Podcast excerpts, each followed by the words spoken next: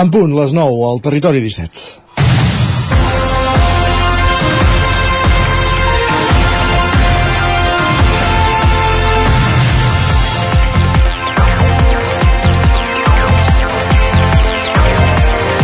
Bon dia. Només el 9% de les sentències del Partit Judicial de Vic es redacten en català. El 9%. A Ripoll, en canvi, aquesta xifra gairebé arriba al 91%. Aquesta diferència tan important, del 9 al 91%, només té una explicació que és l'origen dels jutges. Des de fa dècades, la majoria de jutges que exerceixen a Catalunya són de fora i han passat i passen olímpicament del català, per no dir que almenys preen i no li tenen el mínim respecte que mereix una llengua cooficial. Però i els altres agents que interactuen al món judicial, és a dir, fiscals, advocats, procuradors, lletrats de l'administració de justícia, pèrits, etc., són conscients de la seva responsabilitat amb la normalització del català? Lamentablement, en el conjunt de Catalunya, gens. En canvi, cal destacar el mèrit dels advocats usonencs. En un entorn castellanitzat, com és el de la justícia, el nombre d'inscrits al Pla de Foment del Català es dona una paga extra de 25 euros als advocats d'ofici per cada escrit que presentin en aquesta llengua, destaca el Partit Judicial de Vic, amb un 61,39% 10% per davant de tota la resta. Hi ha prou normativa que assegura el paper de la llengua catalana als jutjats, com ara la llei 1 barra 1998 de 7 de gener de política lingüística o el Reial Decret 1465 barra 1999 de 17 de setembre pel qual s'estableixen criteris d'imatge institucional i es regula la producció documental i el material imprès de l'Administració General de l'Estat. Però han passat més de 20 anys d'aquestes normes i el català jutjat continua sent marginal, gairebé clandestí, i s'argumenta que això passa perquè són molts els jutges, fiscals o lletrats de l'Administració de Justícia que són originaris de fora de Catalunya i que, per tant, no dominarien el català o que la formació que reben els juristes, també en universitats catalanes, és sobretot en castellà. Semblen arguments de mal pagador, després de tantes dècades de democràcia i rescabalament dels drets d'ús del català, el gallec o el basc. Alguna cosa s'ha d'estar fent malament si el català continua reculant als jutjats. Es tracta d'exigir-lo i trobar eines i mecanismes que tornin la llengua al seu lloc. Amb cartells als jutjats que recorden a tothom el dret que tenen d'expressar-se en català. No n'hi ha prou. És dimarts 28 de novembre de 2023 en el moment de començar el Territori 17 a la sintonia del 9 FM, a la veu de Sant Joan, Ràdio Cardedeu, Ona Codinenca, Ràdio Vic i també ens podeu veure, ja ho sabeu, a través de Twitch, YouTube, Televisió de Cardedeu, el 9 TV i la xarxa més. Territori 17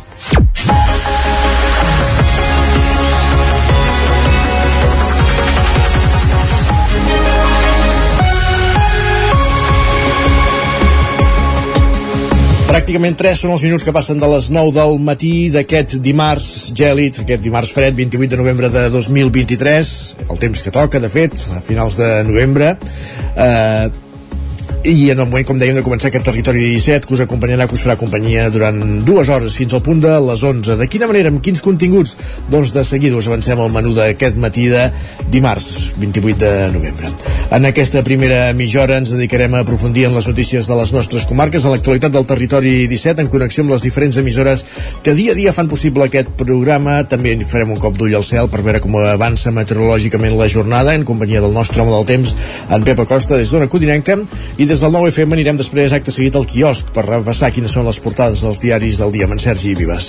A partir de dos quarts de deu, com cada matí pugem al tren, a la Trenc d'Alba amb l'Isaac Montades recollint les cròniques dels oferts usuaris de la línia Barcelona-Granollers Vic-Ripoll-Puigcerdà, una línia eh, afectada per un tall per obres, pel desdoblament en un tram entre la Garriga i Parets. Eh, això dificulta, evidentment, l'ús del tren, eh, hi ha transport alternatiu per carretera, però cada dia anem recollint incidències relacionades amb aquest tall o amb moltes altres consideracions que recull l'Isaac Montades cada dia. Acte seguit a l'entrevista conversarem amb Dani Bassas, és el director executiu de la cooperativa Plana de Vic, però ara també el secretari general de l'Institut Làctic, un organisme que es presentava la setmana passada, ja es va constituir fa uns mesos, però que es presentava la setmana passada en societat, on hi ha representades totes les baules de la cadena del sector de la vaca de llet, des del ramader fins al distribuïdor final, amb la voluntat d'anar dignificant i millorant aquest producte. Parlarem, com dèiem, amb en Dani Bassas a partir de dos quarts de deu del matí i acte seguit a la connexió avui parlarem d'un llibre, anirem fins a Sant Joan de les Abadesses, l'Isaac Muntades conversarà i passejarà amb Nano Riol sobre el seu nou llibre Som Mentida. Amb ells arribarem al punt de les 10, notícies, la previsió del temps i a la secció d'Economia, una qüestió candent des de fa molts anys. Avui en Joan Carles Arredondo aborda les dificultats dels aturats de més de 50 anys per tornar al mercat de treball. En parlarem a partir d'un quart d'onze, a la secció d'Economia dels dimarts, al Territori 17 i a la recta final del programa primer ens endinsarem al món de Twitter amb en Guillem Sánchez, repassant les piolades més destacades del matí, X, hem de dir ara, i acabarem el programa amb el podcast del racó de pensar amb la Maria López i avui parlant també d'un una altra qüestió preocupant eh, el suïcidi entre els joves. Avui la Maria López al racó de pensar aborda aquesta qüestió i amb ella acabarem el programa. Per tant, sense més, ens posem en dansa. Ara, quan passen 5 minuts i mig de les 9 del matí, en repassem les notícies més destacades de les nostres comarques, les notícies del territori 17, que no són altres que les notícies del Vallès Oriental, Osona, el Ripollès, el Moianès i el Lluçanès. Territori 17.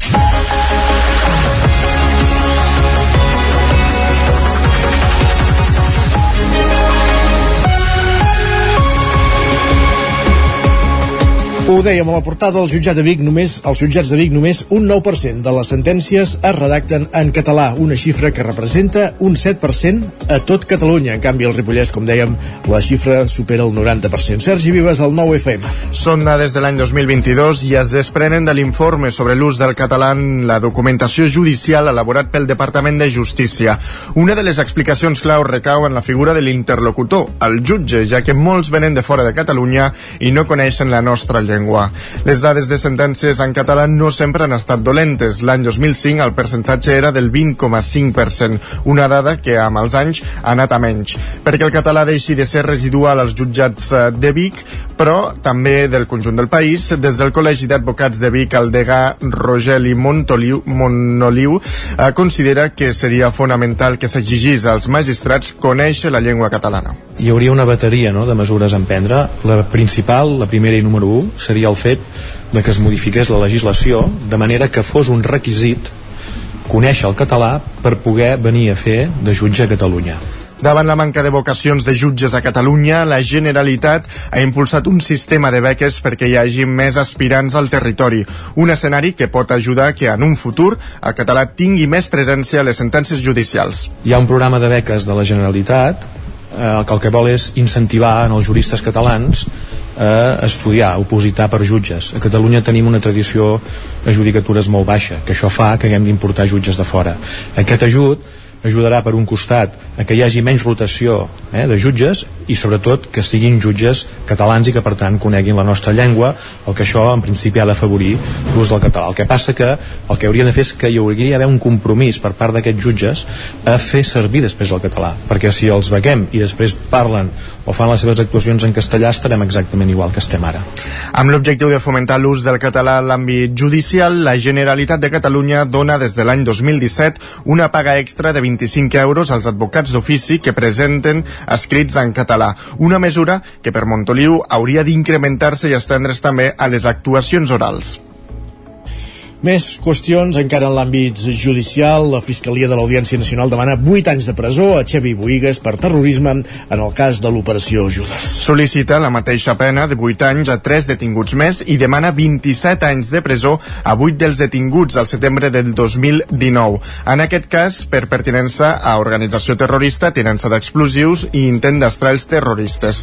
El, mini, el Ministeri Públic considera tots els acusats membres de l'anomenat equip de resposta tàctica tàctica format per persones vinculades al CDR, que segons el, el fiscal haurien format una organització terrorista paral·lela que tenia per objectiu dur a terme accions violentes o atemptats. El fiscal en camp, Miguel Ángel Carballo, considera que els membres de l'equip de resposta tàctica tenen una gran radicalitat. Gràcies, Sergi. Anem cap al Ripollès. Més qüestions perquè els treballadors de Conforça convoquen dues jornades de vaga davant la preocupació de la plantilla sobre la viabilitat de l'empresa. Isaac Muntades, la veu de Sant Joan. L'empresa Can de Benolenca Conforça torna a estar situada a l'ull de l'huracà després que els sindicats hagin convocat dues jornades de vaga per aquest divendres 1 de desembre i pel dimarts de la setmana vinent, a més d'una mobilització prevista per diumenge. Conforça és una empresa clau pel Ripollès, ja que actualment dona feina a unes 350 persones a la comarca. Segons comissions obreres Figueres i UGT, la plantilla es mostra preocupada per la viabilitat de la companyia, que pertany a la Generalitat de Catalunya. És per això que demanen que realitzin els ajustos legals, administratius i estructurals necessaris per operar com una empresa mercantil sota l'empara de l'administració. En el comunicat de vaga només demanen poder treballar amb dignitat i tranquil·litat i asseguren que no són culpables de la negligència de molts governs de la Generalitat que han passat al llarg de la història de l'empresa. És més, asseguren que són víctimes de tot plegat. Al comunicat també diuen que n'estan farts de sortir a la premsa per notícies on els directors generals nomenats per la Generalitat, segons expliquen, han gestionat de manera nefasta l'empresa, uns provocant pèrdues milionàries i altres presumptament posant la mà a la caixa i malversant diners públics. Entre els motius de la vaga també s'hi inclou no haver percebut l'ajut escolar per aquest 2023 o que no s'està portant a terme la revisió dels grups professionals, un fet que impedeix el correcte enquadrament dels treballadors. Els sindicats diuen a la nota que s'està demostrant que amb una gestió mínimament coherent, lògica i amb bon criteri, Conforça té futur i viabilitat, però el comitè també apunta que si la gestió d'adaptació a la funció pública no es fa com toca, perillen els llocs de treball i la viabilitat de l'empresa, un fet que podria desencadenar en el tancament i en un desastre econòmic per a la comarca del Ripollès. En el darrer ple del Consell Comarcal, l'alcalde de Camp de Bànol, Oriol Lázaro, va apuntar que calia ajudar molt més aquesta empresa, com es fa amb les estacions de muntanya de ferrocarrils de la Generalitat com Vallter 2000. Perquè no estan conformes amb com se'ls està tractant a nivell laboral, sobretot pel tema retribucions, se'ls estan retallant alguns drets, no saben ben bé si estan dintre de la legislació de laboral pública, si no, si en canvi s'han d'agafar el conveni, per unes coses els hi diuen que són públics, per les altres els hi diuen que si són laborals del conveni. Ostres, jo crec que amb algun d'aquests 34 milions faria molta feina eh, per ajudar, si és que cal, perquè s'ha demostrat que els últims 3 anys Conforça no ha generat despesa, sinó que ha generat beneficis. Amb una gestió empresarial mm, ben feta, és una empresa viable. La Generalitat ja estaria treballant per impedir les mobilitzacions dels treballadors buscant un informe d'autorització de pagament. En tot cas, aquest hauria d'arribar abans de dijous per tal que el comitè desconvoqués les dues jornades de vaga i la de mobilització. Més qüestions, gràcies Isaac. Demà dimecres es posa punt i final a les activitats emmarcades en el 25 de novembre a Sant Feliu de Codines. Roger Rams, zona codinenca. Sí, exacte. Bon dia. Les activitats relacionades amb el Dia Internacional per l'Erradicació de la Violència envers les Dones a Sant Feliu posen punt i final aquest dimecres. Ho faran amb una lectura infantil a la Biblioteca Joan Petit i Aguilar amb el títol La recerca del lleó. Tot plegat culmina gairebé una desena d'activitats emmarcades en aquesta jornada que va tenir el seu epicentre dissabte, amb activitats esportives, culturals i la, la lectura d'un manifest a càrrec de tots els regidors del govern i sense presència de l'oposició. La regidora de Feminisme de Sant Feliu, Caral Vinyals, explica que des del consistori i amb l'objectiu de visibilitzar totes les víctimes de feminicidis del país, a partir d'ara es penjaran unes cintes de color lila per tal de tenir-les sempre presents. Si us hi fixeu a l'entrada de l'Ajuntament, a partir d'ara, cada vegada que malauradament hem de condemnar un nou feminicidi, posarem una cinta lila, que això farà que els ting les tinguem sempre presents. Eh, és una manera no, de, de homenatjar aquestes dones que malauradament han hagut de, de patir aquesta violència masclista. L'any 2022 es van registrar fins a 51 denúncies en l'àmbit de la parella als municipis de Sant Feliu de Codines, Caldes de Montbui i Vigues i Riells del FAI, segons dades facilitades pels Mossos d'Esquadra al Consell Comarcal del Vallès Oriental. En aquests municipis també s'hi van registrar 12 denúncies per violència en l'àmbit familiar i hi ha 6 procediments oberts amb víctimes menors d'edat. En aquestes tres poblacions vallesanes hi ha 11 dones víctimes de la violència masclista en l'àmbit de la parella, 11 persones més que són víctimes de la violència masclista en l'àmbit familiar i 8 persones menors. Per tant, són 29 les persones que han estat víctimes de violència masclista al llarg del 2022 a Sant Feliu, a Caldes i a Vigues i Riells. A la comarca del Vallès Oriental, les denúncies per violència masclista han crescut aquest 2022 i se n'han registrat 1.088. Són 29 casos més que l'any anterior, però alhora suposen un 10% menys de denúncies respecte a l'any 2019. Gràcies, Roger. Més qüestions. La 22a Fira Joc Joc de Tona se celebra eh, aquest passat cap de setmana i enguany ha donat especial protagonisme als Jocs de Taula, Sergi. Una edició que després de la Covid ha sortit del pavelló i s'ha descentralitzat en diferents espais del poble. Al carrer Doctor Figueres es va convertir dissabte en un pati allargat amb els Jocs gegants i de guixot de buit, connectant per una banda amb la Biblioteca Caterina Figueres, on hi havia la ludoteca i un taller sobre els estereotips de gènere. El que demostra la Fira Joc Joc, segons la regidora de Fires, Judit Sardà, és que no hi ha edat per jugar no hi ha edat per jugar. Tothom pot jugar amb moltes coses, de moltes maneres i sobretot a totes les edats, i tant que sí. Només hem de ser prou valents per provar-ho i no dir aquest joc a mi no em diu res, prova-ho, perquè és que si t'atreveixes a provar-ho pots tenir la sorpresa de que t'agradi. Per altra banda, la sala La Canal es va convertir en l'epicentre de joc de taula. Una de les editorials que hi era present era GDM, de Montcada i Reixac. La pilota Pac Gallego, i des de que va crear l'empresa no s'ha perdut cap edició de la fira. Explica que li agrada que hi hagi un espai on la gent se senti còmoda per seure i jugar i descobrir nous jocs. És que la gent quan li dius que et dediques al joc de taula diu, ah sí, el parxís, el cluedo, el monopoli, no? El, el, bueno, el més nou d'aquest té 100 anys, això ha evolucionat molt, penseu que surten més de 1.700 jocs a l'any, diferents, hi ha jocs de tot. Eh, Nosaltres tenim jocs de misteri, d'investigació, eh, joc de cartes, jocs de fer origami, de cosir, de cantar, i ha, això ha evolucionat moltíssim des d'allò i sempre ens agrada convidar la gent a que vingui aquestes fires. No? I fires com aquesta ens apropa al públic i apropa al públic a una forma d'oci que al final és molt barata i és una cosa que es pot fer a casa en família que és, és un valor que s'està perdent molt i nosaltres és, ho reivindiquem. Altres escenaris de la fira van ser el camp de les Lloses i l'escola Vedruna, que van estar connectats amb el centre del poble amb un trenet. Més qüestions, encara a Osona, Passing in the Shadow of Everest, sobre la primera dona xerpa nepalesa que va coronar l'Everest, de la realitzadora americana Nancy Svendensen, rep la flor de neu d'or del Festival BBA de Cinema de Muntanya de Torelló. Passang Lamu Sherpa va néixer al Nepal a principis dels anys 60 i tenia clar que de gran volia ser com els homes de la seva família, pujar muntanyes i treballar d'això, i ho va aconseguir encara que hi va deixar la vida. La història de la primera dona nepalesa que va fer el cim a l'Everest ha estat la guanyadora del 41è Festival BBVA de Cinema de Muntanya de Torelló. El film de la realitzadora nord-americana Nancy Svensson s'alçava amb la flor de neu d'or davant d'un teatre sirviant un ple. I la casualitat va voler que en el dia com el 25è al podi hi haguessin també altres films que tenien protagonisme femení.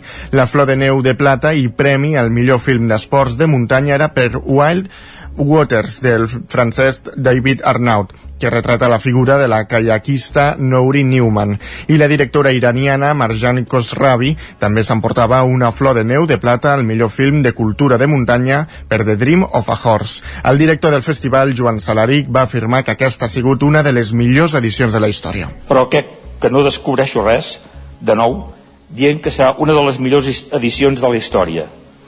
Per l'espectacle inaugural, per la secció competitiva, pel Torelló Mountain Wines, per les activitats paral·leles de tota la setmana al camp base, per la repercussió mediàtica i sobretot per la tornada a la normalitat.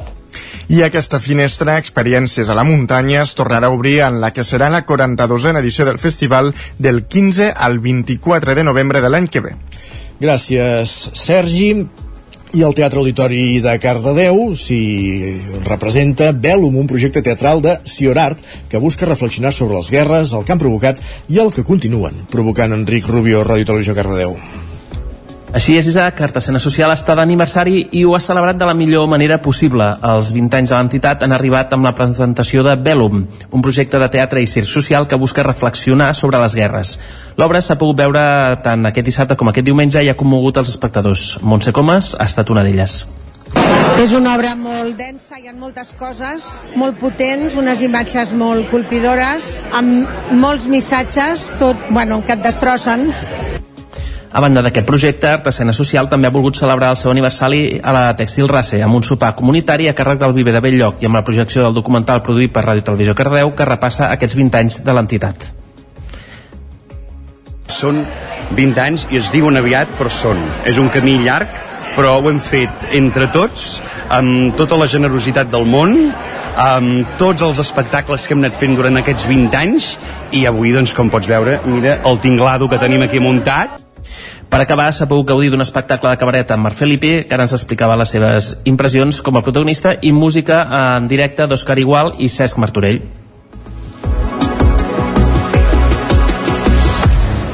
Gràcies, Enric. Acabem aquí aquest repàs informatiu que començàvem al punt de les 9 en companyia d'Enric Rubio, Roger Rams, Isaac Muntades i Sergi Vives. És moment al territori 17 de saludar també en Pep Acosta.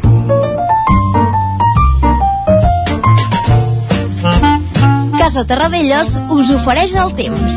És el nostre home del temps, l'anem a pescar una codinenca i de seguida ens explica Com evoluciona meteorològicament la setmana, Pep? Benvinguts, bon dia. Bon dia. Com estàs? Hola. Bon dia. Una salutació a tota la gent que fa possible el programa. Tots saludats, gràcies. I també, com no, a tota la gent que ens escolta. Que tingueu un gran dia. Així ho desitgem. Un dia més aquí, a l'espai del temps. I un dia més sense grans novetats. No plou, no fa fred, poca neu, uh, ja se'ns acaben les paraules, eh? Se'ns van acabar les paraules, perquè és que aquesta situació ja no sé com acabarà tot plegat.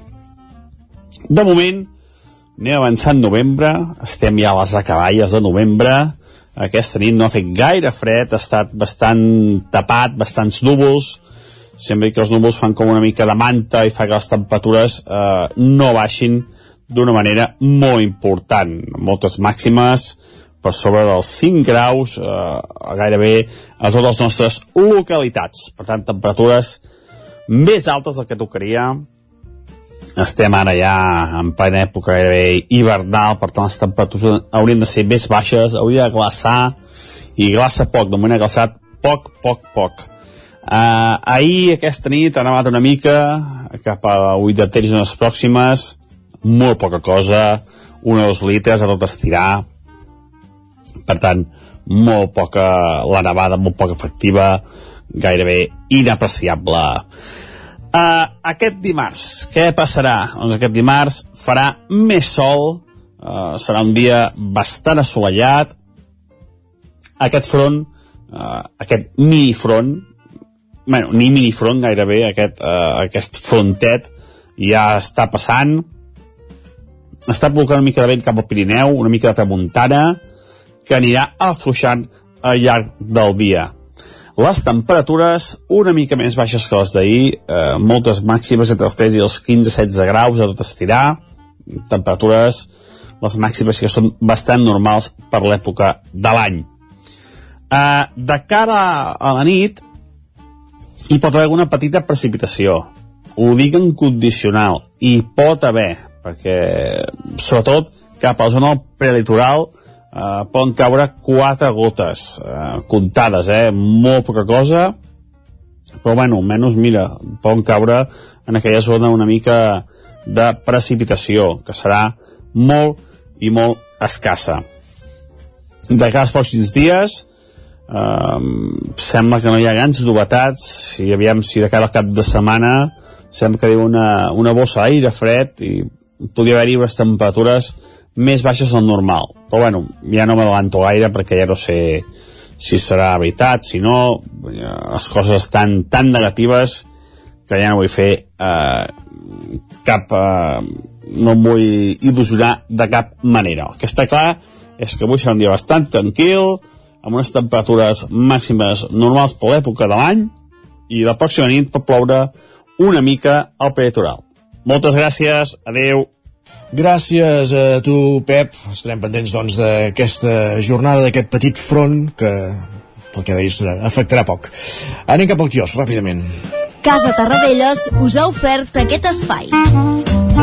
Anem cap al quios perquè és moment de repassar les portades dels diaris del dia. Del dia d'avui, 28 de novembre de 2023. Sergi Vives, què diuen els diaris? Doncs mira, el punt avui encapça la portada amb el titular Anar-hi anant. Diuen que el jutge García Castellón ara demana informació a l'OTAN per criminalitzar Tsunami Democràtic. Diuen que el PSOE va continuar pagant una, una confident de l'operació Catalunya impulsada pel PP. Uh, també diuen que el, el Girona... és Victoria Álvarez, em sembla, si no ho vaig errat. No diuen el nom, és possible. El, també diuen que el Girona suma un punt i cedeix el lideratge, podríem dir que ara és co-líder, juntament amb el Madrid, els dos amb 35 punts. Va empatar un ahir a la nit al casa, a Montilivi, davant l'Atlètic de Bilbao. Més qüestions. El periòdico diu que dos de cada tres espanyols rebutgen l'amnistia. Expliquen que la llei, que comença a tramitar-se al Congrés, genera un sentiment negatiu majoritari. Diuen que la meitat dels catalans sí que recolzen el perdó als independentistes. Per altra banda, diuen que Barcelona no desfà l'embolic de Gaza. Expliquen que la cimera mediterrània evidencia diferències i la Unió Europea es desmarca de Sánchez. La Vanguardia diu que Andalusia i Catalunya lideren els projectes amb fons europeus. Expliquen que el balanç de la Comissió Europea constata el repartiment equitatiu per regions de, de recursos assignats que ja ascendeixen als 37 milions, mil milions. Per altra banda, diuen que Qatar anuncia una pròrroga de dos dies de la treva a Gaza. Expliquen que Hamas allibera 11 hostatges israelians el mateix dia que Musk visita Israel en plena polèmica pel seu suport a teories antisemites. Musk? Què vol Musk?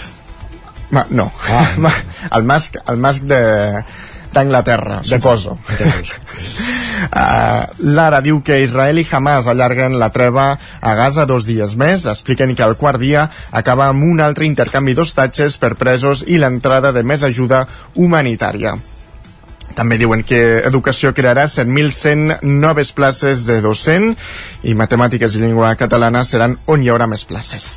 Anem a repassar portades espanyoles. El país diu que Israel i Hamas prolonguen la treva i l'intercanvi de presoners. Expliquen que l'alto al foc s'amplia dos dies per la lliberació d'uns 20 hostatges israelians i 60 presoners palestins.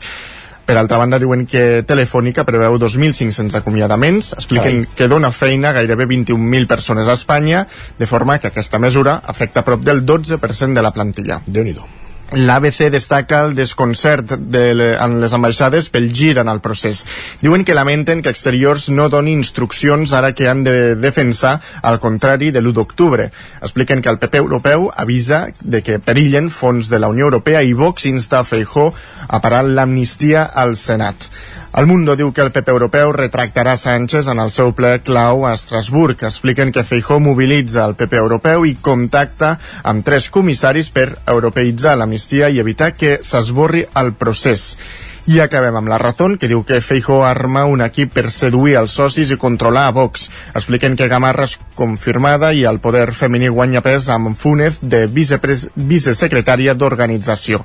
Diuen que nombra portaveu a Miguel Tellado combatiu, diuen, però amb capacitat negociadora.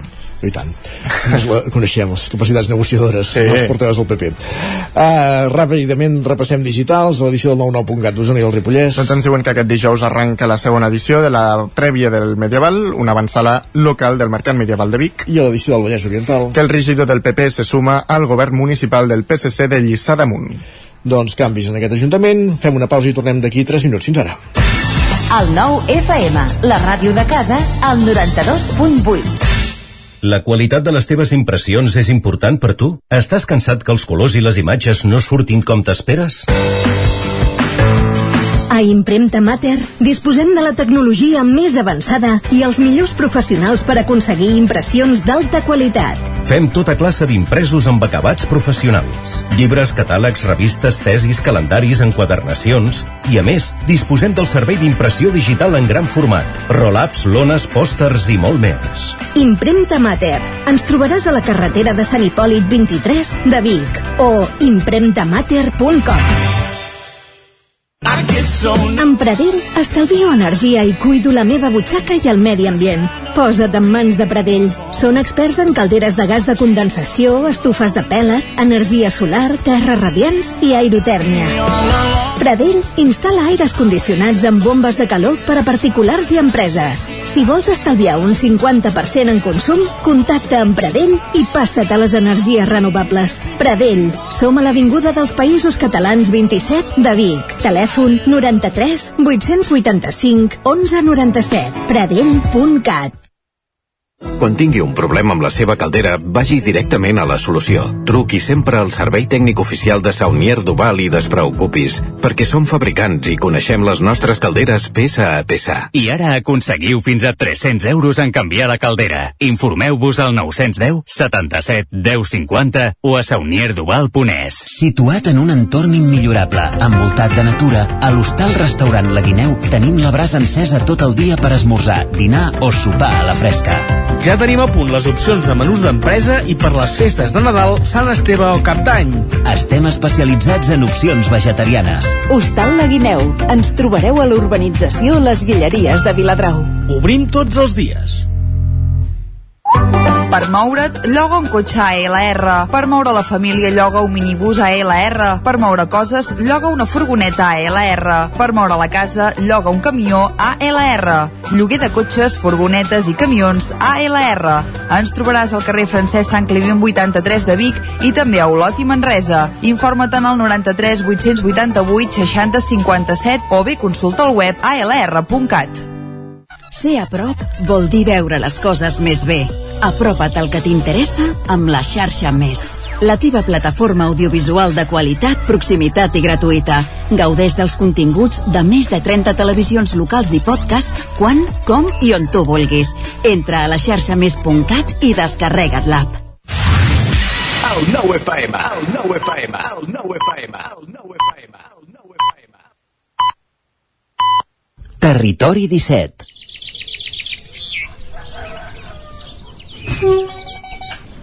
A Tren d'Alba.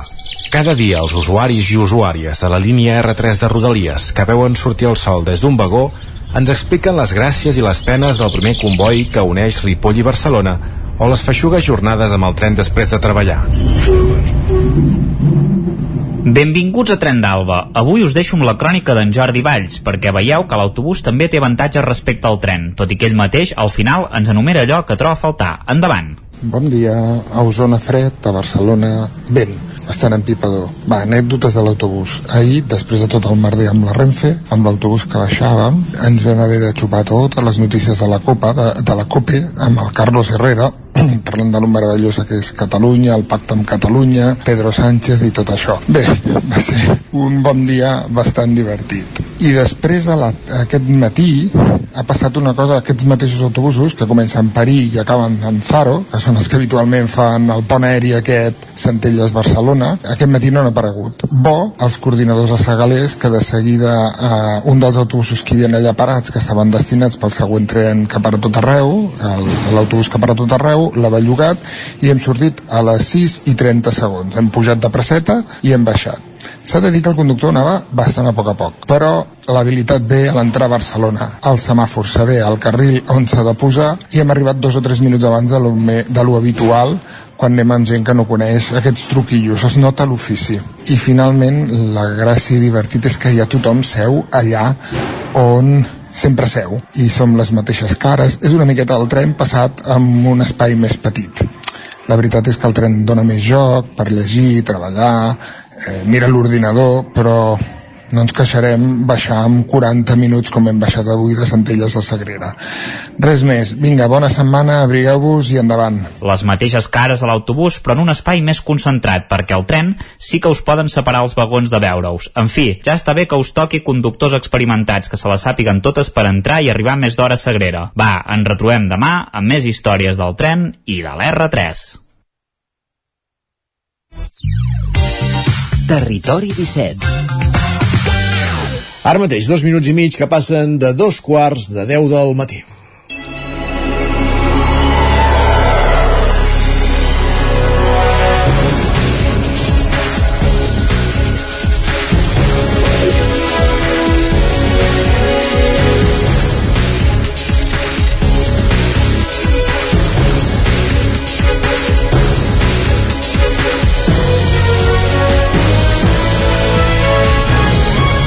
Avancem al territori 17, continuem i ara parlem de, del sector de la llet, perquè la setmana passada es presentava en societat eh, l'Institut Làctic de Catalunya, un, un òrgan, una, un òrgan on, on hi ha representades les diferents baules del sector de la llet, des del ramader fins al distribuïdor final, i el secretari general d'aquest institut, que aquí ens acompanya ara mateix per telèfon, és, en Dani Bassas, que també el coneixem com el director executiu de la cooperativa Plana de Vic, però que en representació de, de les cooperatives catalanes, com dèiem, eh, forma part de la direcció, és el secretari general, com dèiem, d'aquest Institut Làctic. Dani Bassas, benvingut, bon dia. Bon, bon dia. Uh, Dani Bassas ja avisem ara que el tenim en, en, de trajecte, per això sentim aquest so de fons, però que la conversa uh, procurarem que, que es pugui uh, entendre perfectament per, per la ràdio. Uh, finalment es presentava en societat aquest Institut Làctic, Dani, la setmana passada. Primer de tot, quin és l'objectiu? Doncs eh, l'objectiu de l'Institut Làctic principalment és la defensa de, dels productes làctics, o sí, la defensa i la posada en valor de tots els productes làctics. A més, és una defensa que, com bé dèieu, es fa des del punt de vista de les tres baules, el que seria la producció, la indústria i la distribució. Uh -huh. Aquesta iniciativa ha estat impulsada pel Departament d'Agricultura a través de la seva direcció general i bueno, eh, es va eh, inaugurar després d'un any de feina l'institut com a tal el passat com bé dèieu, el passat dijous, el passat dimecres. No? És, és un pas endavant perquè al final no deixeu de ser un punt d'unió també entre les tres baules que sovint i en diferents contextes estan eh, eh, enfrontades bàsicament per, pel que seria la llei de la cadena alimentària i en aquest, en aquest punt doncs hi ha una defensa des de conjunta de les tres parts per posar en valor eh, en el mercat doncs, tots els productes, ja sigui la llet fresca o els productes elaborats eh, en venda a, a, a les cadenes de distribució. Un petit apunt abans de continuar, Dani. Eh, estem parlant només de llet de vaca o les llets de, també de cabra i ovella també formen part de l'Institut? Sí. També estan representades? Estan representades totes les llets. De fet, aquest, aquest institut està composat per 25 patrons, en aquest moment obert que s'hi puguin sumar-hi més, 25 patrons que reparteixen entre els productors a través de la pròpia Federació Cooperatives, on la cooperativa Plana ha dit més, més el portaveu eh, de la branca de llet, o, però també hi ha eh, els diferents sindicats agraris. A, a, pel que fa a la indústria, hi ha mm, totes les indústries de referència, des de les grans marques, els petits obradors, i en aquí també hi ha la representació de CREFA, que és l'associació de formatges de, de, que seria la llet i la cabra eh, eh, en aquest sector concretament. No? Uh -huh. I després també hi ha la distribució, tenim cadenes com la Bon Preu, Capravo, o, la, o les associacions corresponents de, de distribució. Per tant, aquest és l'òrgan, aquesta és la taula on s'hauria de resoldre aquest, aquest problema endèmic, aquesta queixa sistemàtica de, del sector primari, que la llet no es paga, que es paga la llet per sota de, del preu de cost. Evidentment, ja hi ha una llei de la cadena alimentària que això ho hauria de, de regular, però tots sabem que, que en molts casos no, no passa. Sí que podem parlar que en el darrer any comença a encarrilar-se la situació, però, però clar, suposo que aquesta també és la manera d'institucionalitzar-ho, no? diguéssim, de, de poder arribar a bon port amb aquestes mesures. Bueno, l'objectiu de l'Institut de la Llet eh, és precisament eh, promocionar els productes làctics, crear argumentari, eh, tenir eh, presència, crear argumentari contra possibles argumentaris no fundats que hi puguin haver-hi, respectant sempre les opcions alimentàries, però eh, tenir tota una sèrie d'argumentari divulgatiu que es pugui parlar a grans col·lectius, ja sigui eh, pues de, de grans col·lectius eh, d'escoles, hospitals o, o simplement la divulgació com a tal en els mitjans, però no eh, la de buscar el consens de, del tema de la llei de cadena alimentària. Però, tot i així, el fet que hi hagi un punt de treball comú facilita, òbviament, que hi hagi aquesta eh, coordinació entre les baules. L'objectiu per això de l'Institut és la promoció dels, dels valors, eh, dels valors com a producte com a, com a tal, de consum. Uh -huh. eh, però com, com deia ara mateix, el fet de treballar conjuntament les tres baules òbviament facilita la interrelació i la comprensió dels diferents punts de vista. Això, això també de retruc és un avantatge. Uh -huh. Una mica el que deies, la missió d'aquest institut és crear discurs, eh, desmentir alguns mantres que poden haver-hi respecte si és o no és saludable beure llet i una mica és treballar amb, amb, amb tots aquests argumentaris, oi? Correcte. Heu de pensar que les tres baules eh, tenen argumentaris per, de sobre per, per enfortir el missatge de que la llet i els productes derivats elaborats eh, són, eh, són la base, un dels, de, dels fonaments de la piràmide alimentària de, de, de la nostra dieta eh, mediterrània.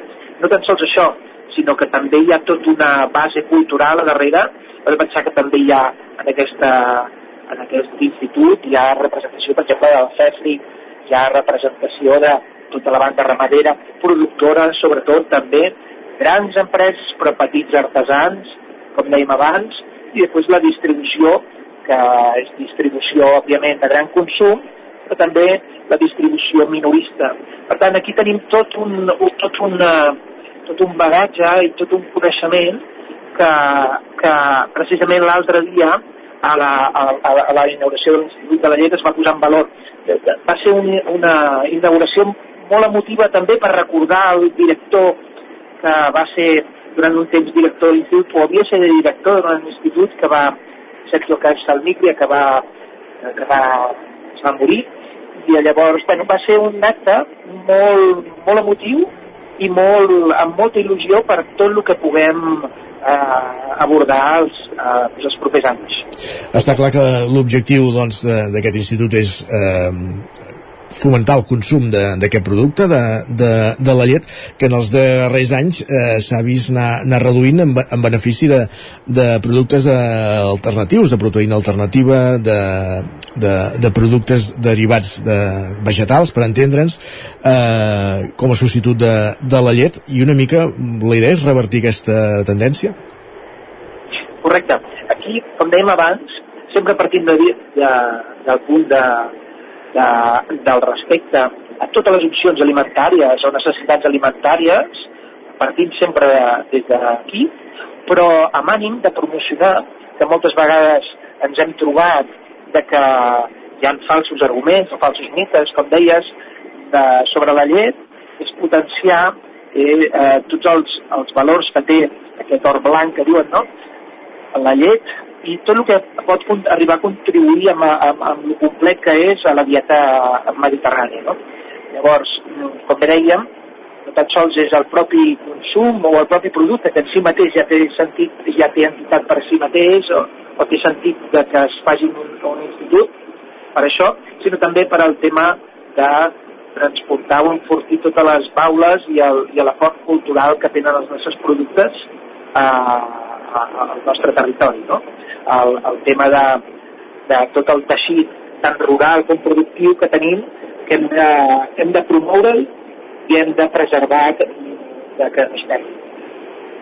Uh, evidentment, en representació de la cooperativa Plana de Vic o de la Federació de, de Cooperatives representeu una de les parts d'aquesta baula, inicialment, que és la, la del sector primari, la del sector ramader. Uh, durant la presentació es posaven dades sobre la taula, les posava la veterinària Ima Puigcorbé en representació del sector, que era la, la pèrdua de granges de vaques uh, que han passat de 4.300 uh, l'any 92, és a dir, fa uh, 20, 30 anys eh, a les 369 actuals a, a Catalunya. Uh, com està actualment el sector? Perquè és això, veníem de tots aquests anys um, um, pagant o rebent el preu de la llet per sota de cost. Uh, tot plegat s'hi ha pujat s'hi ha afegit la, la inflació, l'increment de, de costos de producció tant sigui per l'alimentació dels animals com de, de l'energia. Uh, Continua aquest degoteig d'anar tancant granges? Es va endreçant el sector? Quina és la situació hores d'ara? A veure, la situació actualment, malauradament, no deixa de ser molt complicada, perquè, com bé dius, hi ha hagut aquí un degoteig. Fa, fa quatre dies parlàvem que havíem superat ja la barrera de les 400. Ara em parla, eh, ara comentes aquesta xifra, 369. Hi ha un degoteig principalment per, per tota aquesta inèrcia històrica de no viabilitat de les granges. Però és que el problema ara el tenim a part dels mercats, amb, amb dos factors. Un és el propi, relleu, el propi relleu generacional, que ens està marcant una no continuïtat, i nosaltres, per exemple, com a cooperatives, aquí tenim una feina molt important a fer per intentar ajudar amb tot el que puguem a que les granges no pleguin i que ajudar els joves ramaders que n'hi ha, que com bé deia la Imma, eh, són joves cada cop més preparats, amb màsters, amb estudis, amb coneixements tecnològics, que no podem fer que tot aquest coneixement i, i tota l'herència eh, que porten a sobre de, de, de l'herència de, de, de coneixement, de, de feina del sector, eh, es perdi, però és que n'hi ha un ara sobrevingut que és el clima, eh? el clima, el tema de la sequera. Aquesta ens preocupa també moltíssim, ja com a sector, ja, eh, ja parlo transversalment, ens preocupa perquè està posant en risc els, eh, la producció de farratge que tenen un, eh, tenen un, una, un pes importantíssim al final les comptes d'explotació de cada granja. Pues això estem molt, molt preocupats en aquest moment perquè si no anem en compte o si no donem les eines eh, necessàries pot ser un accelerador d'aquest abandonament. I aquest, i aquest problema a vegades pens, costa de trobar solucions perquè evidentment la, la, el tema de la sequera de, no, no depèn de, del factor humà sinó que depèn segurament de, de condicions que no podem controlar que són les climatològiques uh, i ja per últim Dani per anar acabant uh, abans apuntàvem aquesta situació de, dels costos de producció del preu que perceben uh, els ramaders quina és la situació ara mateix de, del mercat? Bueno, eh, després d'haver passat un petit oasis en el sentit que va haver-hi un moment que degut a la demanda de llet es van pujar els preus a principis de l'any passat, eh, òbviament el mercat s'ha regularitzat, eh, el ramader va poder, eh, sobretot, gestionar deutes que tenia i sobretot refer-se una mica, però això va ser molt temporal. En aquests moments les matèries primes i els mercats especulatius segueixen sent una amenaça, eh, fa un moment ho dèiem, eh, el tema del clima, l'oferta, fa quatre dies estan buscant palla a altres mercats, no? altres mercats que no siguin el nacional, el català. Eh, actualment tenim una, una s'ha regularitzat el que seria el preu, el, el preu de la llet i els costos de producció en aquests moments estan eh, just tocant eh, el llindar de rendibilitat. De forma que o aconseguim que, que això es mantinguin aquest preu, però si baixessin ara els preus de la llet o es potenciés les, els, els factors que ens amenaçaven fa un temps de la marca blanca, tornaríem a estar al punt de no rendibilitat. No? Uh -huh. Llavors, ara estem en una situació continguda que esperem que es mantingui i es millori, però, però que, que fa que no puguem mirar amb llums llargs, eh, a, a, a mig plaç, de cara a factors, com dèiem, del relleu de la generacional, inversions, robotització de les granges, o, o, o fomentar, per exemple, coses com tan essencials com la, el tema mediambiental o la bioeconomia circular, no? que ara haurien de ser els, eh, els, eh, els acceleradors de, que seria tot aquest relleu generacional. En tot aquest escenari fa pràcticament dos anys eh, va aparèixer un nou producte al mercat, una nova iniciativa per valoritzar una mica la tasca d'aquests ramaders, impulsada des de la mateixa cooperativa Plana Vic, conjuntament amb, amb Aquers d'Osona i, i el grup Bon Preu, que era aquesta llet Correcte. que es ven a un preu eh, com cal, que diu, que diu l'eslògan, més que un preu just. Eh, Uh, no sé si teniu pendent sobre la taula projecte, altres projectes per valoritzar aquesta feina i no sé com, i com està anant aquest projecte de, de la llet Terra i Tast. Doncs uh, el projecte de la llet Terra i Tast està anant, està anant molt bé, estem molt contents de com, com està anant, uh, en el sentit que no han baixat les vendes, al contrari, s'incrementen, estem mirant amb, amb, també precisament amb bon preu altres opcions que puguem anar donant, però al final tot i que és un volum molt petit de tota la llet que produïm, eh, ens dona, dona doncs, molts ànims a seguir, sobretot també per veure la conscienciació del consumidor final que escull una llet que si bé no és la més econòmica és la que podem dir que aporta eh, valor al territori no? i amb això estem molt, molt il·lusionats i estem mirant aviam si podem tenir altres opcions doncs si hi ha altres opcions anirem parlant més endavant també. Dani Bassas, director executiu de la cooperativa Plana de Vic, avui també eh, eh, amb el barret de secretari general d'aquesta nova Fundació Institut de la Llet i els Productes Làctics de Catalunya que es presentava la setmana passada en Societat. Gràcies per acompanyar-nos aquest matí al Territori 17 i per posar-nos al dia de, de la situació de, del sector. Molt bé, gràcies a vosaltres. Bon dia. Nosaltres que avancem al territori 17 i tot seguit ens n'anem cap a Sant Joan de les Abadesses a aprofundir en un llibre. Eh, tot seguit saludem l'Isaac Muntades per parlar de Som Mentida, la darrera publicació del Nano Riols.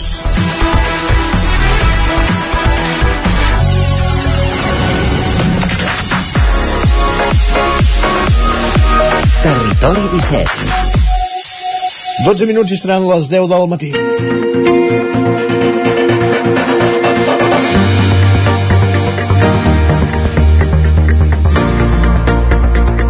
Doncs, com deia, moment de sortir a l'exterior. Isaac Muntades des de la veu de Sant Joan, avui a Sant Joan de les Abadesses mateix. Bon dia, benvingut.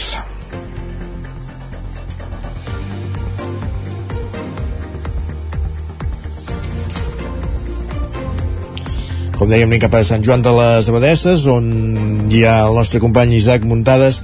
Pendent d'aquesta comunicació avui a Sant Joan de les Abadesses i més concretament a casa de Joan Oriols, més conegut com el Nano Oriols, eh, com sabeu usonenc de naixement, va néixer a Vic l'any 1945 té 78 anys que, si no fallen els càlculs, té, porta molt bé, tot i que eh, ha viscut molt de temps de les Guilleries. Isaac Muntades, la veu de Sant Joan, benvingut, bon dia.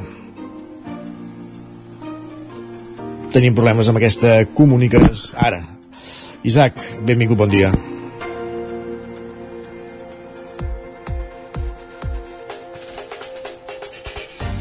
ens falla el micròfon d'aquesta comunicació no sé si hi ha Isaac ara... Hola Isaac ara sí, perfecte no, no et sentim eh? sentim, no sentim la música però a, a tu no doncs això ho resoldrem ràpidament ara sí que em deu sentir eh? Ara et sentim perfectament. Ara et sentim perfectament. Bon doncs dia. com dèiem, avui ets a Sant Joan de les Abeses amb el nano Riols eh, i per parlar del llibre.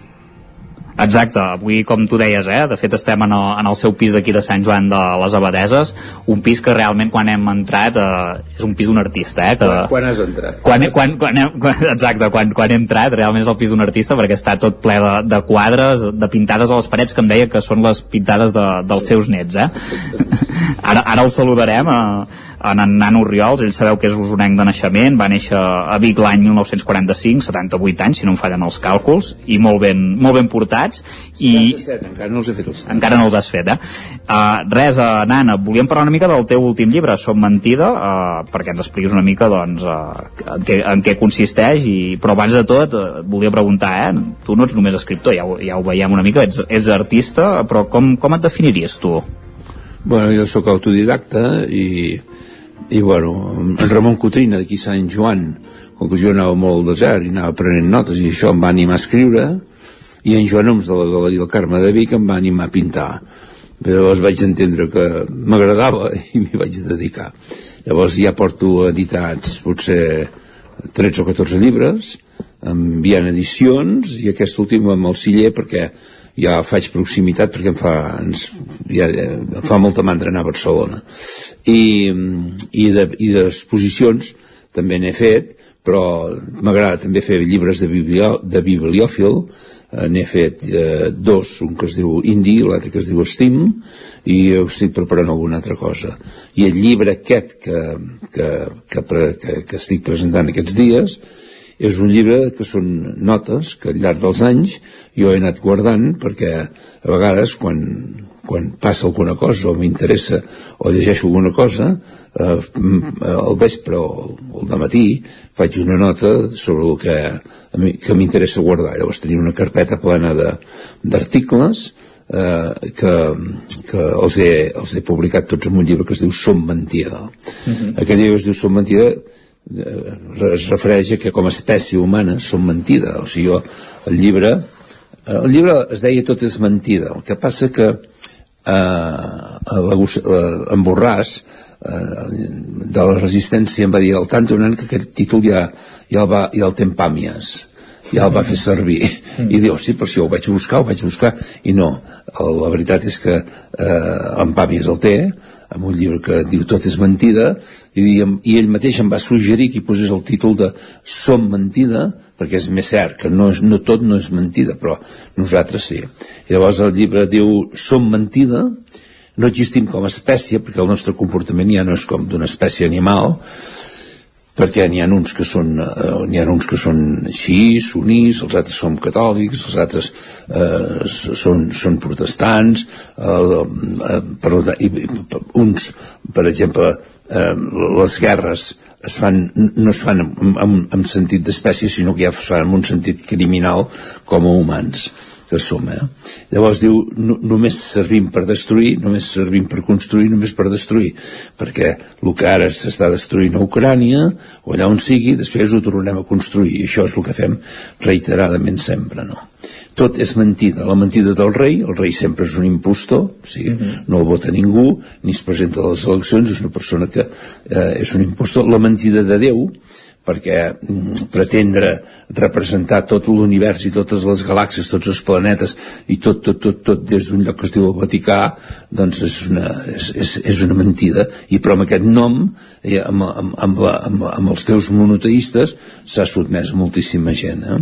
la mentida dels amors, no de l'amor la mentida dels amors eh, l'amor s'entén de la manera que s'entén ara i tot plegat, però l'amor evidentment que existeix eh?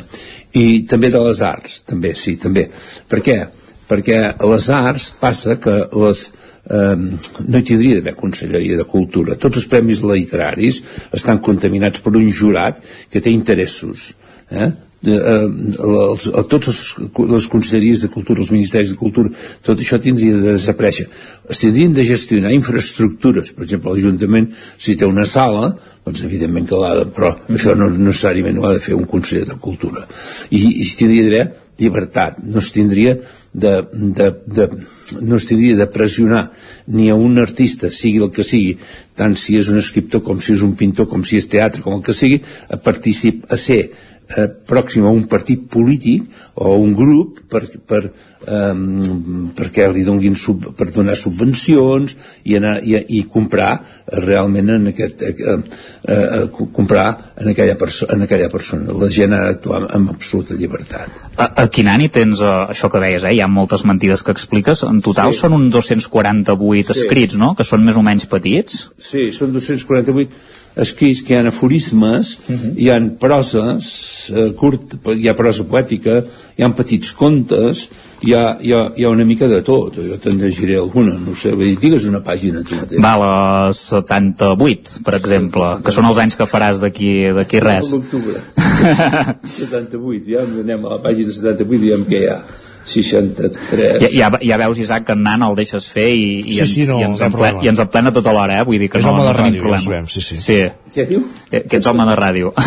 Sí, aviam, aviam els, llegirem el 134. Sí, sí. Diu, vam crear els oficis de butxí, bruixot, bisbe, rei, imam, senyor i esclau. També la democràcia, l'excusa per blanquejar tot el que fem, ja sigui una guerra o l'extermini de tot un poble o d'una cultura. Parlem d'amor, d'amor al pròxim i permetem que es paguin interessos d'usura per una hipoteca d'un habitatge perquè també vam crear els diners i els bancs, però per damunt de tot vam crear la corrupció. Mhm. Algú, algú, se- algun partit polític s'hauria d'aplicar això, No, eh? no he acabat. Espera, Encara queda, queda. Sí, queda aquest trosset. Queda el trosset, l'últim paràgraf. Diuen, ens compren i ens venen de tot, des d'entrades a la vida eterna fins a columbaris per als cendres del gos, de la família. Qui no roba és perquè no pot.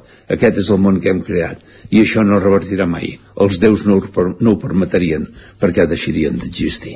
Això realment és la portada pràcticament del llibre, és, és el que t'explica. és un, és un. Si dius un altre, te'n llegiré un altre. Sí, sí. Hi ha, hi ha coses més poètiques, si vols te'n llegeixo alguna de poètica. busco Deixem, per aquí. deixem a l'Isaac que et faci alguna pregunta Sí, també, que el, sí, tenim, que aquí, pregunti, que, el tenim, que el tenim aquí expectant. Va. No, no, sí, trobo molt interessant totes la- les aportacions que està fent uh, el, el nano Riols.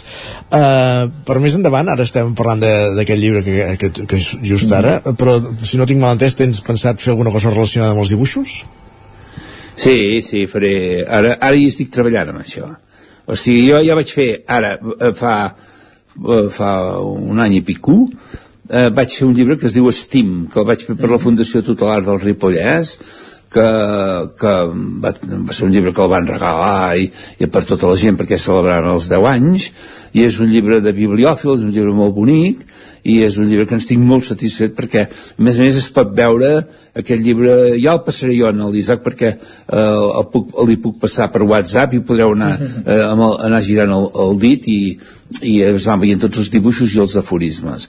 És un llibre, i abans ja havia fet un llibre que es de eh, indi que el dedicava a una gossa que tinc que encara és viva, que té 11 o 12 anys una gossa llop i aquest llibre el vam presentar a la Galeria del Carme de Vic que hi vaig fer una exposició. Sí, sí, però eh, faré ara, ara estic treballant amb dibuixos segurament tinc idees però no, no acabo de concretar perquè eh, m'agradaria també fer eh, un, una espècie de, de dibuixos i unes, uns fulls en poesia dedicat al grup de Vic, que eren set. Eh, hi, hi havia en Cotrina, hi havia en Cesagi, Serrallonga, hi havia l'Esteve Canonja, hi, hi, hi havia en Ribrugent, hi havia en Grau, en, en Grau de Manlleu, però no ho sé, perquè mm, tinc en aquests dies estic, estic treballant però encara no sé cap on anirà tot això S- segurament serà serà una cosa, en comptes de ser de bibliòfil, serà que imprès i que, que, que sigui més accessible que un llibre de bibliòfil, que només en pots fer 100 o 150. Uh -huh. uh, ens queda un minut, Nan, uh, et veig en plena forma, et veus molts més anys escrivint, eh, tu? Vull dir, això I, ho, ho, ho tens clar. I anant en bicicleta, que és el que m'agrada més. I anant en bicicleta. sí. cada, cada any 6 o 7 mil quilòmetres. Ja ho veieu, en Nan està en plena, en plena forma i realment uh, fa, fa goig veure la seva casa, eh? perquè realment és, és la casa d'un artista. I entreu i realment és, és així. Eh? De, uh, les taules estan plenes de pots de pintura, tenim sí. quadres aquí per tot arreu. Uh, per, per acabar, una, una última cosa. Aquest desembre sembla que descanses de presentacions i, to, i tornes al gener. Eh? Vaig presentar a la muntanya de llibres aquesta setmana, vaig presentar Sant Joan, vaig presentar Matlleu, eh, eh, i presento el mes de desembre faig festa i el mes de gener presentaré Hostalets, presentaré la Fundació Martí Pol, presentaré la Garriga, presentaré Barcelona, eh, en tinc 6 o 7. Uh -huh. Vull dir, però és, eh, el que m'agrada més és fer-ho. És, escriure i fer-ho. Presentar-ho no tant. No, fa més mandra. Molt bé. Però que us llegeixi un últim... Sí, va, ràpidament, sí. Ràpidament, va. Diu, és el, la contraportada del llibre, que és més... Diu, vaig veure l'amic Toni Casasses, que viu en una muntanya perduda, en el record dels temps d'homes i dones que, que estimaven les pedres i la nit. A l'hora malva veig assegut, el veig assegut en un tronc menjant un tros de pa amb formatge. Mirem al cel perquè ja es comencen a veure les estrelles. Un xic de fresca acaricia l'herba seca de l'estiu. Una guilla s'acosta amb dos menuts que miren Antoni que tranquil·lament els dona menjar hi ha dos paràgrafs més que haureu de comprar el llibre per llegir-vos. Molt bé. Nano Riols i Isaac Muntades, gràcies a tots dos. Molt bé, va. Bon dia. Va, Adéu. Una abraçada, Isaac. Adéu. Doncs aquí deixem. Acaba aquesta connexió i avancem al territori 17. Hem conegut aquesta nova obra del Nano Riols en aquesta connexió. N'hem sentit fins i tot alguns fragments eh, llegits pel mateix autor i el que fem tot seguit al Territori 17 és posar-nos al dia i actualitzar-nos amb les notícies més destacades de les nostres comarques, les notícies del Territori 17. Territori 17 i unes comarques que no són altres que el Vallès Oriental, l'Osona, el Ripollès, el Moianès i el Lluçanès, un programa que fem possible cada dia des de diferents emissores, una codinenca la veu de Sant Joan Ràdio, Cardedeu, Ràdio Vic, el 9FM, ens podeu veure també a través de Twitch, YouTube, Televisió de Cardedeu, el 9TV i la xarxa més. Per explicar-vos a aquesta hora que la Generalitat inicia la licitació per garantir oficines bancàries als pobles més petits del país a partir de 2024. Gallifa i set pobles més del Moianès tindran, disposaran d'aquest servei Roger Rams, zona codinenca. Sí, exacte. Són Gallifa i el Moianès, l'Estany, Collsospina, Castellcí, Monistrol de Calders, Granera, Calders i Sant Quirze, Safaja. Tots ells tindran dues oficines bancàries mòbils que visitaran el poble cada 15 dies i que seran de dues entitats financeres diferents. Les empreses que guanyin el concurs hauran d'adaptar els seus vehicles i incloure-hi la instal·lació d'un caixer automàtic per tal que la població en pugui fer ús. A més, també s'exigeix que desenvolupin el programari necessari i mantinguin els seus equips i sistemes i aportin els mitjans humans necessaris per prestar el servei requerit. En aquest sentit, hauran de destinar un mínim de dos professionals. D'una banda, una persona tècnica de banca i de l'altra, una persona que faci de vigilant de seguretat i també la tasca de xofer. Una altra de les obligacions de les entitats serà el disseny de les rutes i els horaris que haurà de tenir en compte que els municipis de fins a 250 habitants s'hi estaran un mínim de 30 minuts i els de més de 250 habitants no podran baixar de l'hora. Tot plegat és una reclamació històrica dels petits municipis i sobretot de la gent gran i com apuntàvem s'espera que tot plegat es pugui començar a desenvolupar a partir de l'any vinent. Evidentment, a part d'aquests municipis que citaves, Roger, eh, el Vallès Occidental i el Moianès hi ha molts altres eh, municipis del Lluçanès, d'Osona, fins i tot algun del Vallès Oriental o del Ripollès que podran acollir-se en aquesta iniciativa. Gràcies, Roger. Continuem anant cap al Ripollès perquè el Tribunal Suprem rebaixa la pena de presó a un dels terroristes dels atemptats del 17 d'agost de 2017, de 8 anys i només 18 mesos. Isaac Muntades, la veu de Sant Joan. Eh, tornem a saludar de nou. El Tribunal Suprem ha rebaixat de 8 anys de presó a un any i mig la pena per a un dels condemnats pels atemptats terroristes del 17 d'agost del 2017 a Barcelona i Cambrils. Es tracta de Said Ben Yaza, que en el seu moment va ser condemnat per haver deixat una furgoneta i un carnet als terroristes. La sala va considerar que hi havia dubtes raonables que Ben Yaza sabés les intencions dels altres implicats i, per tant, només el va condemnar per una imprudència greu en un delicte de cooperació amb organització terrorista. Cal recordar que amb el seu comportament, cedint l'ús d'un vehicle i el document d'identitat que els terroristes van utilitzar per comprar precursors d'explosius, va incomplir greument deures d'objectius de cura. A banda de la pena de presó, que ja ha complert, també se'l va condemnar una multa de 1.440 euros. En canvi, el tribunal va rebutjar els recursos dels dos condemnats principals i també de les acusacions. En el seu moment, l'Audiència Nacional va condemnar Drisu Kabir a 36 anys de presó i Mohamed Huli Chemlal a 43 anys, tots dos veïns de Ripoll per pertinença a organització terrorista, fabricació i tinença d'explosius i d'estralls i lesions imprudents. Gràcies, ja, Isaac. Més qüestions. La Comissió Feminista del Boulder de la Fusteria ha organitzat per aquest dissabte una sèrie d'actes pel 25è, en el Dia Internacional de la Violència envers les dones. Enric Rubio, Ràdio Televisió, Cardedeu. Així és, uh, aquest és el tercer any que la comissió organitza un esdeveniment per commemorar aquest dia i combatre la violència que les dones pateixen. Uh, la Maria de les Fuentes, membre de la comissió feminista del Boulder La Fusteria de Cardeu, ens ho explica. Al final la comissió feminista vetlla per, per les diades principals, per les, per les coses que fem cada dia al Boulder i perquè sigui un espai lliure de violències, que no ho aconseguim, però ho intentem. I cada any hem anat fent cosetes. La jornada serà una escalada compartida. S'ha fet també, es farà una classe de ioga a la plaça de les dones treballadores i es dinarà conjuntament. Posteriorment, una migdiada col·lectiva i per acabar el visionat Xolites. Aquest últim acte eh, ha estat, serà l'última activitat mixta. Sí que l'últim acte del dia d'avui és mixta, o sigui, és obert a homes, dones i altres identitats, perquè també volem donar que no només som nosaltres les úniques que lluitem per això, sinó com entendre que la lluita és transversal i que totes podem posar el nostre granet. El documental Cholitas tracta sobre cinc dones indígenes bolivianes que van pujar a la muntanya més alta d'Amèrica, la Concagua. Tots, tots els actes es fan sota el lema Estem cansades, que acompanyen la jornada del 25 d'enguany. Gràcies, Enric. I tornem a Osona, perquè al jutjat de Vic només un 9% de les sentències es redacten en català, una xifra que és del 7% a tot Catalunya. En canvi, el Ripollès és la nota dissonant amb una dada que supera el 90%. Sergi Vives, al 9FM. Són dades de l'any 2022 i es desprenen de l'informe sobre l'ús del català en la documentació judicial elaborat pel Departament de Justícia. Una de les explicacions clau recau en la figura de l'interlocutor, el jutge, ja que molts venen de fora de Catalunya Catalunya i no coneixen la nostra llengua. Les dades de sentència en català no sempre han estat dolentes. L'any 2005 el percentatge era del 20,5%, una dada que amb els anys ha anat a menys, perquè el català deixi de ser residual als jutjats de Vic, però també al conjunt del país. Des del Col·legi d'Advocats de Vic, el degà Rogeli Montoliu considera que seria fonamental que s'exigís als magistrats conèixer la llengua catalana. Hi hauria una bateria no, de mesures a emprendre. La principal, la primera i número 1, seria el fet de que es modifiqués la legislació de manera que fos un requisit conèixer el català per poder venir a fer de jutge a Catalunya.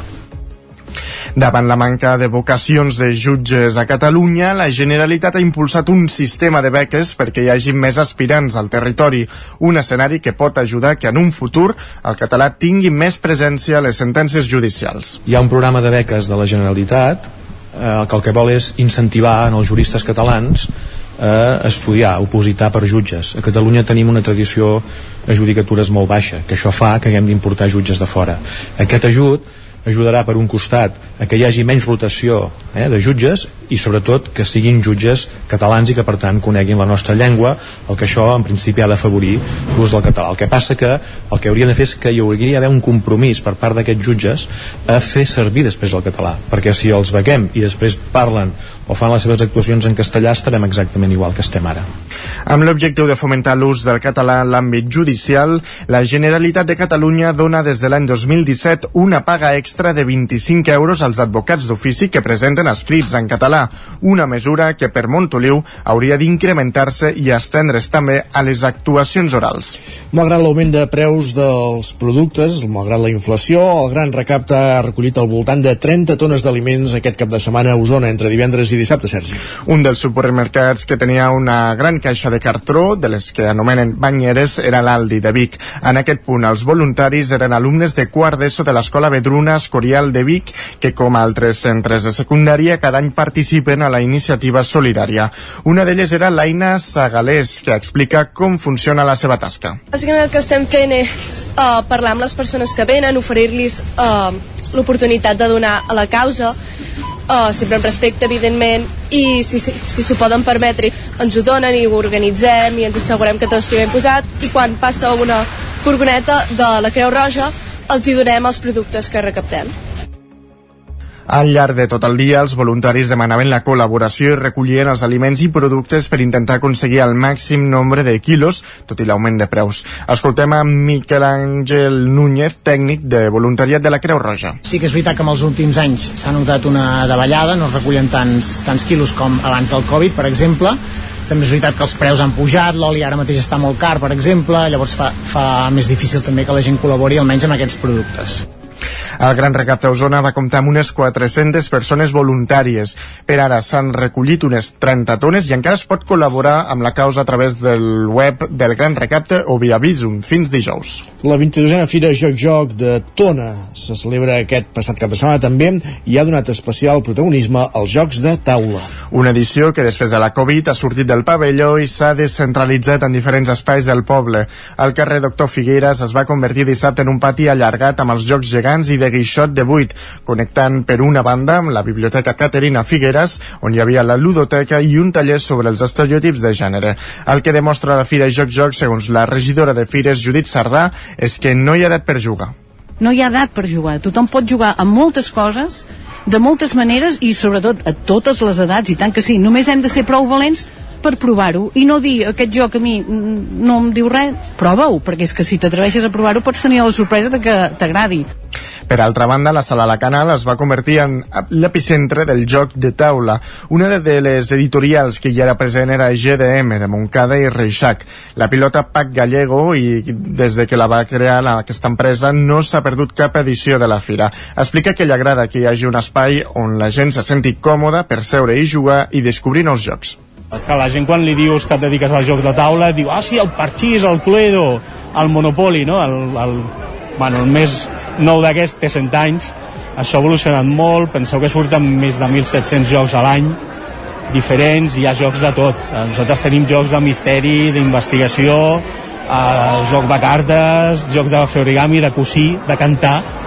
I ja, això ha evolucionat moltíssim des d'allò i sempre ens agrada convidar la gent a a aquestes fires. No? I fires com aquesta ens apropa al públic i apropa al públic a una forma d'oci que al final és molt barata i és una cosa que es pot fer a casa en família que és, és un valor que s'està perdent molt i nosaltres és, ho reivindiquem.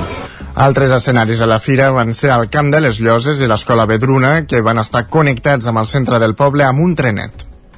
Gràcies, Sergi. Acabem aquí aquest repàs informatiu que començàvem al punt de les 10 en companyia de Sergi Vives, Isaac Muntades, Enric Rubio i Roger Rams. Moment al territori 17 de saludar també en Pep Acosta.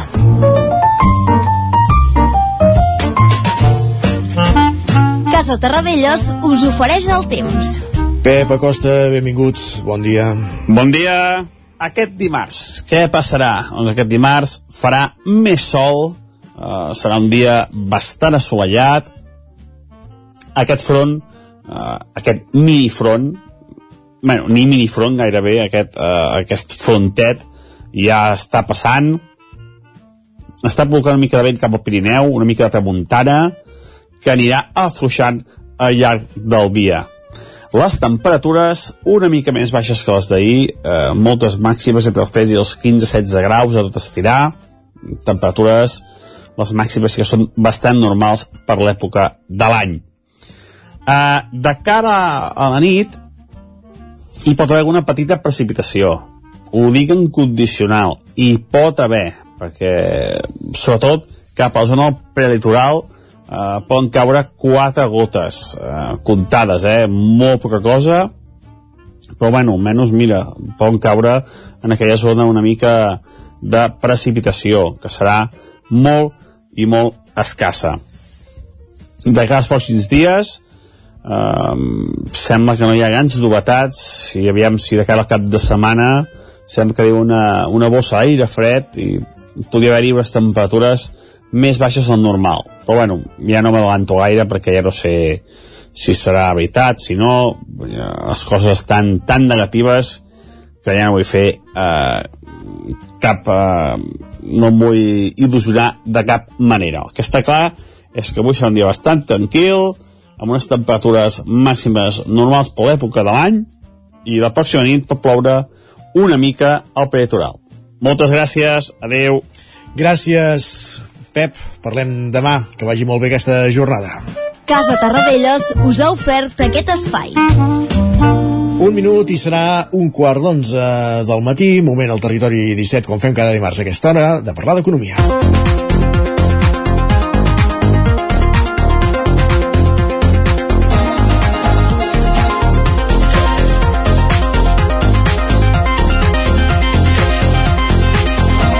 Ja sabeu que la secció d'Economia del Territori 17 és cosa d'en Joan Carles Redondo, el cap d'Economia del 9-9 del Vallès Oriental, que avui, amb qui avui volem posar el focus amb les dificultats dels aturats de més de 50 anys per tornar al mercat laboral. Joan Carles Redondo, benvingut, bon dia. Bon dia. Com estàs? Doncs eh, sí, la cosa va per aquí, eh? eh bé, home, en, en, si, eh, allò que diuen si no entrem en detalls, bé. Ah, doncs ja està. No, no, um, Exacte. Uh, tenim un mercat laboral amb xifres rècord d'afiliació i taxes d'atur que òbviament amb més lentitud del que seria desitjable uh, estan retallant distàncies respecte a les mitjanes europees, encara per sobre eh? Vull dir que encara, encara diguem-ne l'estat espanyol encara és campió en atur però malgrat aquestes possibles millores hi ha alguns mals al mercat laboral que, que encara persisteixen en els últims anys, eh, perdó, en els últims dies ha, trans, ha transcendit, per exemple, que sense haver-se acabat de corregir el, el vell mal de l'atur juvenil, ha emergit un problema que ja existia, que era subjacent, però que, eh, diguem-ne, que ara emergeix, no? que és l'atur de les persones de més de 50 anys. El titular aquest apareix arran de l'anàlisi que ha fet recentment la Fundació d'Estudis d'Economia Aplicada, diguem-ne que les sigles són FEDEA i probablement serà més senzill referir-s'hi així, doncs aquest estudi ha detectat mm, que en el tercer trimestre de l'any ja hi ha més aturats de més de 50 anys que aturats menors de 30 anys. És a dir, s'ha produït el que eh, se'n diu un sorpasso. Eh? Sí. Uh, L'atur en aquestes edats, aquests de més de 50 anys, que des del punt de vista laboral són avançades, des d'altres punts de vista mm, potser no tant, no? perquè diguem-ne que als 50 anys encara queda un recorregut de vida molt més llarg que, que, que, que anys enrere. Um, doncs um, en aquestes edats el, el pes de, de l'atur d'aquest col·lectiu diguem-ne ha crescut de manera sobtada. De, de fet fa 10 anys el volum d'aturats de més de 50 anys representava un 18% del total de persones desocupades i avui ja supera el 30% aquest creixement sobtat hi contribueixen factors que també són demogràfics, eh, més que laborals, eh, perquè la població tendeix a envellir i cada vegada aquest col·lectiu és més ampli, diguem-ne, i això ja ho admet eh, l'estudi, però hi ha un aspecte que hauria de centrar la reflexió. L'estat espanyol és actualment eh, el capdavant de la Unió Europea en pes de població major de 50 anys en situació d'atur, i s'ha de tenir clar que l'envelliment no és una situació que es doni només a l'estat espanyol, es produeix a tota Europa i en canvi ara eh, a l'estat hi ha un 27% del, de tots els aturats de més de 50 anys a la Unió Europea això és un de cada quatre i l'any 2005 era un de cada 10 eh? diguem-ne que hi ha hagut un procés de deteriorament diguem-ne més gran que el que correspondria eh? al, al, al creixement de població de més de 50 anys que, que es dona no? si poses en relació amb Europa doncs es veu que el problema a Espanya eh, és que segurament no s'estan fent les coses com, com, sí que, com s'estan fent a Europa, com a mínim això. No? Eh, un aspecte rellevant de la desocupació entre els majors de 50 anys és que la davallada laboral per la Covid-19 de l'any 2020 no s'ha aconseguit remuntar. La resta de col·lectius d'edat han arribat a l'etapa post-Covid amb millors xifres de desocupació que les que hi havia el 2020, quan es va deteriorar el, el mercat laboral, però la taxa entre els majors de 55 anys que aquest és el col·lectiu d'edat que, que analitza un informe de la Fundació Mafre, és ara mateix pitjor que el 2020. L'únic col·lectiu que empitjora com un símptoma afegit de les dificultats de reinserció laboral per a aquest col·lectiu. Arribar a l'etapa final de la vida laboral sense feina suposa també un, treball, un trasbals molt important per a aquest col·lectiu.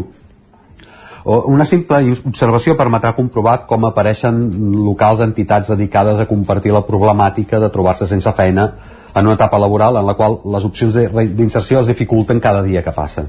Sé si, eh, no sé, els vostres carrers, però es veuen no, en eh, locals d'entitats de persones aturades de més de 45 anys, que és, eh, diguem-ne, un moment complicat de, de reinserció. Els testimonis que aquests dies han tingut l'oportunitat d'explicar públicament la seva experiència, en els mitjans de comunicació s'han fixat en aquest estudi de CDA i han buscat testimonis, um, tendeixen a coincidir que més enllà de les feines que se'ls ofereixen no coincideixen amb la seva formació són, en primer lloc, escasses. En segon lloc, amb salaris molt baixos. En tercer, amb jornades molt llargues. I en quart, amb contractes de molt curta durada. I hi ha encara un cinquè element que mereix una reflexió a part. En molts pocs casos les ofertes que els han arribat eh, provenen dels serveis públics d'ocupació són cinc factors que encara demostren com més de dificultós eh, reinserir-se en el mercat laboral amb, amb condicions. Està clar. Cap d'aquestes característiques esmentades, poca oferta, salaris baixos, jornades llargues i contractes curts, és gaire diferent del que es troben altres col·lectius, però venen a demostrar que els aturats de més edat tenen um, a disposició el mateix tipus d'ocupació que la resta de col·lectius. Per tant, com que no es posen en valor els, els coneixements adquirits al llarg d'una trajectòria laboral, aquests treballadors estan circulant, fem un símil, per la mateixa autopista que la resta d'aturats. I en igualtat de condicions els col·lectius més joves disposen, diguem-ne, de, per seguir el mateix símil, vehicles més ràpids per arribar a la destinació final, que és trobar una feina. No? Sí, bon símil. Eh, hi ha hagut durant anys la, eh, Sí, això és eh, una mica la, la, la cosa va per aquí, no? Estàs competint, diguem-ne, circulant en la mateixa a la mateixa autopista, a la mateixa direcció que, que, que vehicles millor dotats, no, diguem-ne.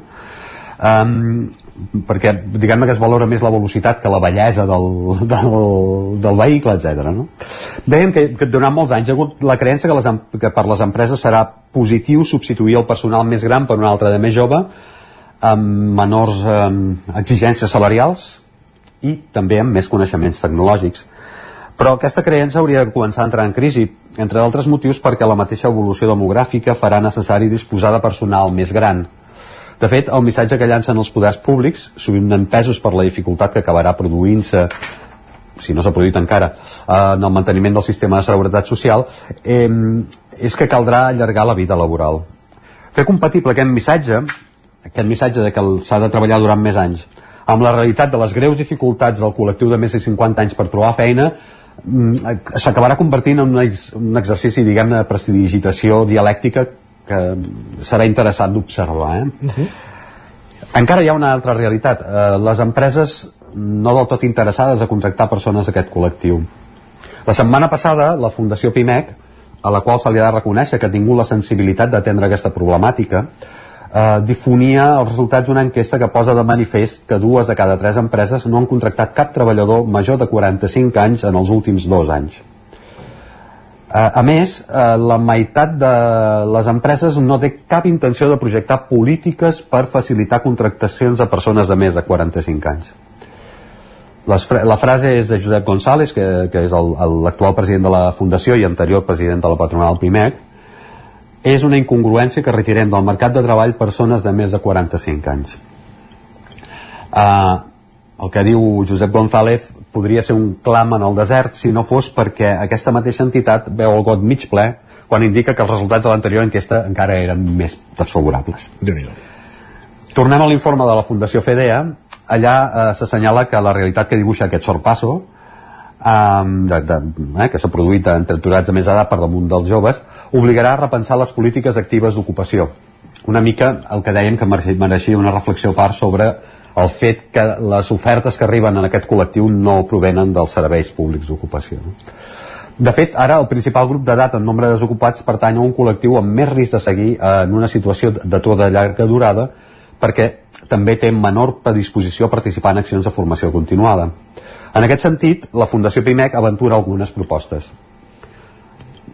Mm, les llança, eh? diguem-ne no, no, no, això és el que diu la Fundació PIMEC no el que, no, no, no, no, no el que diem nosaltres eh? crear un nou contracte especial per major de 45 anys generar més eficiència dels serveis públics d'ocupació respecte a aquest col·lectiu d'actorat reorientar les polítiques en les plataformes digitals de selecció o impulsar plans de formació en compromís d'ocupació posterior. No? Eh, aquestes són les propostes que, que fa la Fundació BIMEC. També parla de la col·laboració público-privada, que és una... Ara comença a convertir-se en una frase bastant tòpica. Sí, bastant.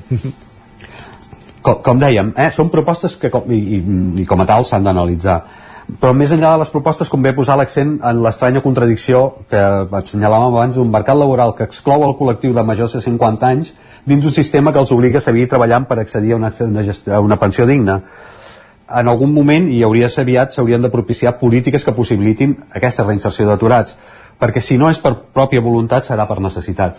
Hi ha un fet claríssim i és que la realitat demogràfica empeny a que aquest col·lectiu cada vegada serà més gran i cada vegada hi haurà menys joves. De manera que en, en, en disposició d'entrar de, de, a treballar. De manera que si es vol continuar mantenint un ritme de treball mm, que, que fins i tot hauria de ser millor i més eficient i més productiu s'haurà de comptar amb aquest col·lectiu.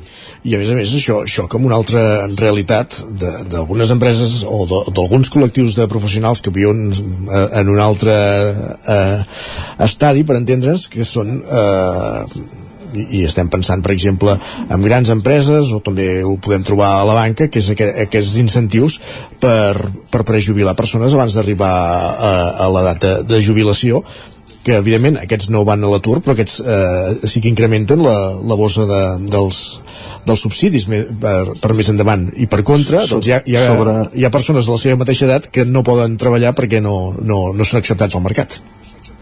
Sobre, sobre aquesta política de prejubilacions mm, s'hauria de fer s'hauria de fer una reflexió profunda en el sentit que efectivament, eh, sembla que els poders públics ho hagin propiciat, entre d'altres coses perquè moltes d'aquests ajust, ajustaments que hi ha hagut s'han produït, com deies, eh, amb entitats bancàries en les quals fins i tot hi havia participació pública. Correcte. Eh? El cas de Bànquia, per exemple, i la, i la Caixa, que ara, diguem-ne, també l'Estat hi té participació en tant que accionista de Bànquia. Um, ja, ja dic, eh, això d'estar dient s'haurà de treballar més anys perquè de fet l'edat de jubilació s'està avançant eh, i el 2027 arribarà als 67 anys. Em, no, s'avança l'edat de, jubilació però en canvi no, no, tens, un, no tens uns serveis públics d'ocupació capaços d'oferir-los feina. La, la veritat és que és una contradicció bastant important déu nhi Avui hem volgut posar el focus en aquesta problemàtica, l'atur a les persones de més 50 anys o les dificultats per aquests col·lectiu de, de trobar feina. Joan Carles Arredondo, gràcies una setmana més per ser nosaltres. Gràcies a vosaltres, bon dia. Fins dimarts vinent. I nosaltres que avancem al territori 17, després d'aquest espai dedicat a l'economia i avui posant el focus en aquesta realitat, el que fem és una petita pausa, però ja ens esperen Guillem Sánchez amb les pilades del matí i sobretot després el podcast del racó de pensar. Avui el suïcidi entre els joves. Una petita pausa aquí al territori 17 i tornem amb 3 minutets. Fins ara mateix.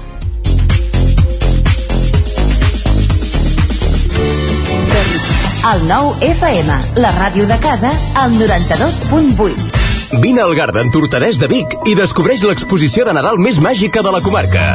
Decoració, ornaments, il·luminació, poncèties, arbres de Nadal i molt més. Inspira't i crea el Nadal dels teus somnis. Obrim cada dia, diumenges i festius inclosos. Garden Tortadès. Ens trobaràs al polígon Mas Galí de Vic. Situat en un entorn immillorable, envoltat de natura, a l'hostal restaurant La Guineu tenim la brasa encesa tot el dia per esmorzar, dinar o sopar a la fresca. Ja tenim a punt les opcions de menús d'empresa i per les festes de Nadal, Sant Esteve o Cap d'Any. Estem especialitzats en opcions vegetarianes. Hostal La Guineu. Ens trobareu a l'urbanització Les Guilleries de Viladrau. Obrim tots els dies. La qualitat de les teves impressions és important per tu? Estàs cansat que els colors i les imatges no surtin com t'esperes? A Impremta Mater disposem de la tecnologia més avançada i els millors professionals per aconseguir impressions d'alta qualitat.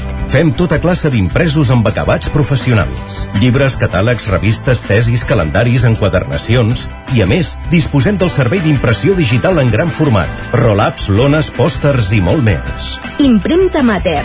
Ens trobaràs a la carretera de Sant Hipòlit 23 de Vic o impremtamater.com.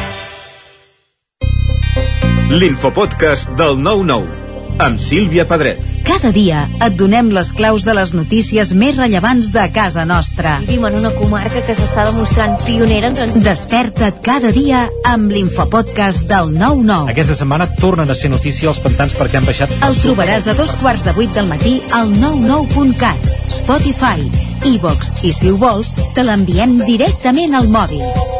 Subscriu-te als canals de WhatsApp i Telegram del 99. Soc Sílvia Pedret. Comencem. Cada dimarts a les 11 de la nit, al 9 FM, repàs de l'actualitat esportiva a la banqueta.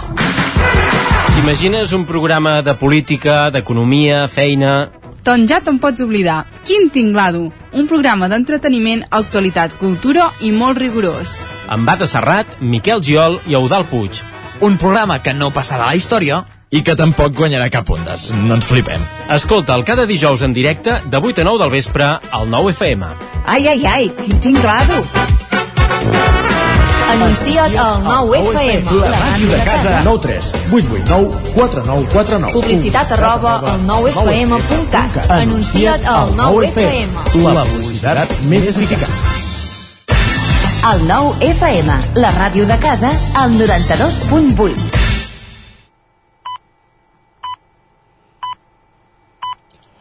En punt, dos quarts de 10, dos quarts d'onze al territori 17. Has vist que ràpid que passen les hores, Guillem Sánchez i amigo, bon dia. No són ni les Canàries ni Londres, eh? Això No. és...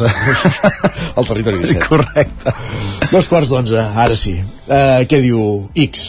Doncs mira, X diu que hi ha gent que se'n va dormir tard sí? perquè fan coses per les televisions mm. i la gent se les queda... La culpa és de la tele, haurien d'avançar l'horari per conciliació, per, per, avançar, per avançar horaris europeus, per no dormir més d'hora. Clar, el que no pot ser és que un usuari ens digui Ja. un, una 43 de la nit i si em faig un magret d'ànec a la planxa? Uh, no. No s'ha de llevar l'endemà al matí. No toca. No s'ha de llevar d'hora, oi, aquest, aquest usuari?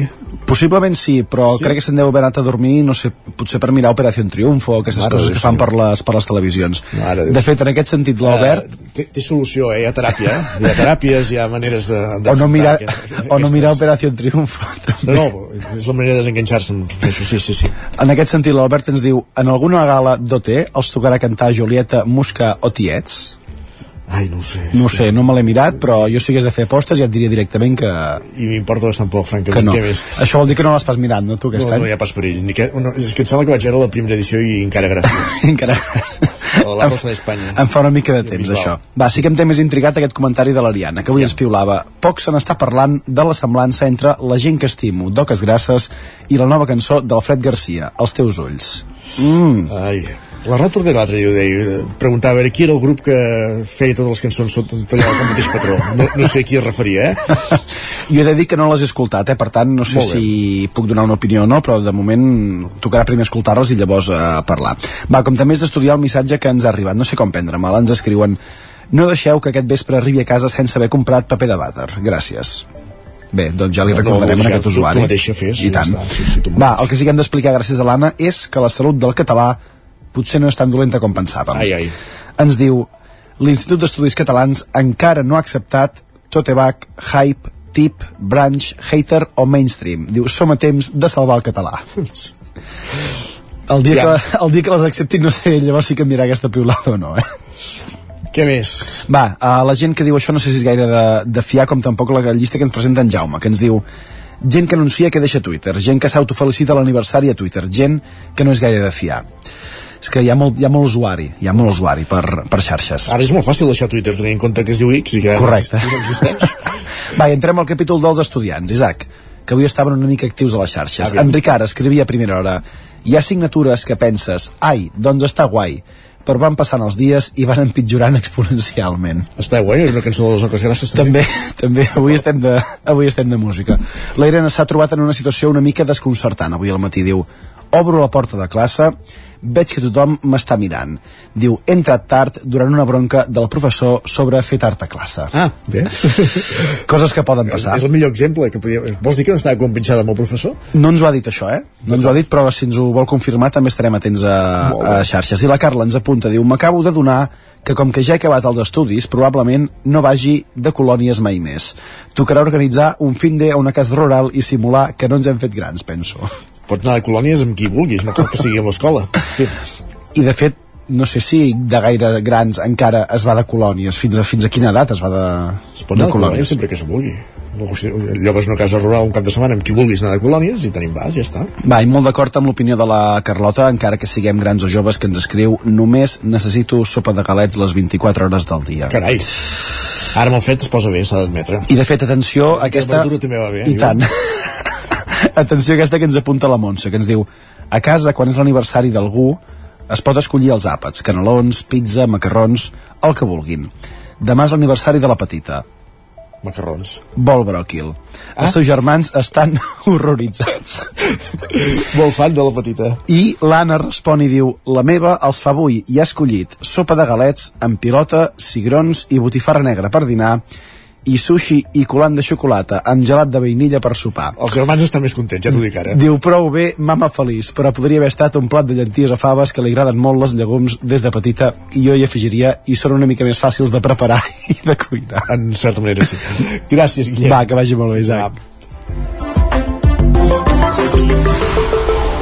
I nosaltres que avancem aquí al Territori 17, moment del podcast, moment del racó de pensar. Territori 17 i avui la Maria López aborda la problemàtica del suïcidi entre els joves. Maria, benvinguda una setmana més, bon dia. Els efectes més evidents de la pandèmia han quedat enrere. Per fi hem pogut passar un estiu sense restriccions i tot apunta que aquest Nadal res ens impedirà seure tots junts a la taula. Malgrat això, i tal com ja es preveia quan ens trobàvem en plena crisi sanitària, hi ha conseqüències que es començaran a veure amb el temps i que tindran un impacte tristament notable. Segons dades del 2022, recollides pel programa Codi Risc Suïcidi i que ha difós la Conselleria de Salut, les noies d'entre 12 i 25 anys són el grup d'edat que tenen més conducta de suïcidi i les que registren més pensaments i intents de suïcidi. De fet, des de la pandèmia existeix un creixement de la conducta suïcida entre els adolescents com a forma d'expressar el malestar. En el cas de l'adolescència, el 2021, 8 infants i adolescents d'entre 6 i 17 anys han estat víctimes de temptativa de suïcidi a Barcelona, mentre que entre els adolescents de 10 a 19 anys, el 2020 i el 2021, es van produir 3 morts per suïcidi cada any. Més dades, segons una investigació duta a terme per la Universitat Complutense de Madrid, el suïcidi és la primera causa de mort entre les persones de 12 a 29 anys en tot l'estat, per sobre dels accidents de trànsit.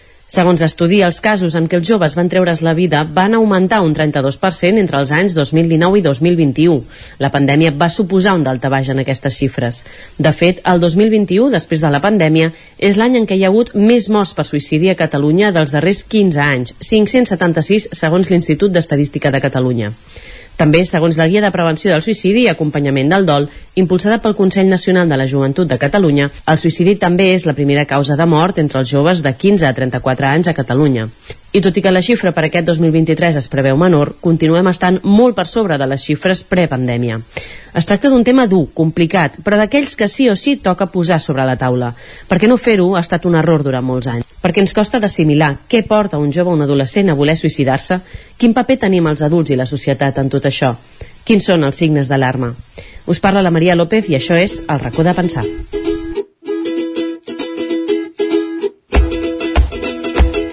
El racó de pensar, des de Ràdio Cardedeu. Per parlar de tot això, avui tenim novament amb nosaltres a la Mireia Cabero. Ella és trimara, psicòloga i coach i impulsora del projecte Cultura Emocional Pública. Bon dia, Mireia. Bon dia, Maria. Gràcies. Xifres dures que, de fet, em passaves tu aquesta mateixa setmana i que posen la pell de gallina. Ja fa anys, per això, que la primera causa de mort entre els joves és el suïcidi, oi?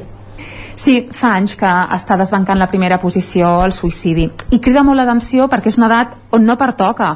És una edat on els, on els infants i joves s'enganxen amb la vida, es viuen moltes coses per primera vegada. Per tant, és una edat d'entrada molt atractiva, excepció d'aquells joves que senten que viure la vida és massa per ells i per elles. O sigui, parles de que viure la vida és massa per ells i per si realment no poden, però amb 15 anys és com molt fort, no? que una persona amb 15 anys ja senti que la vida és massa per un mateix?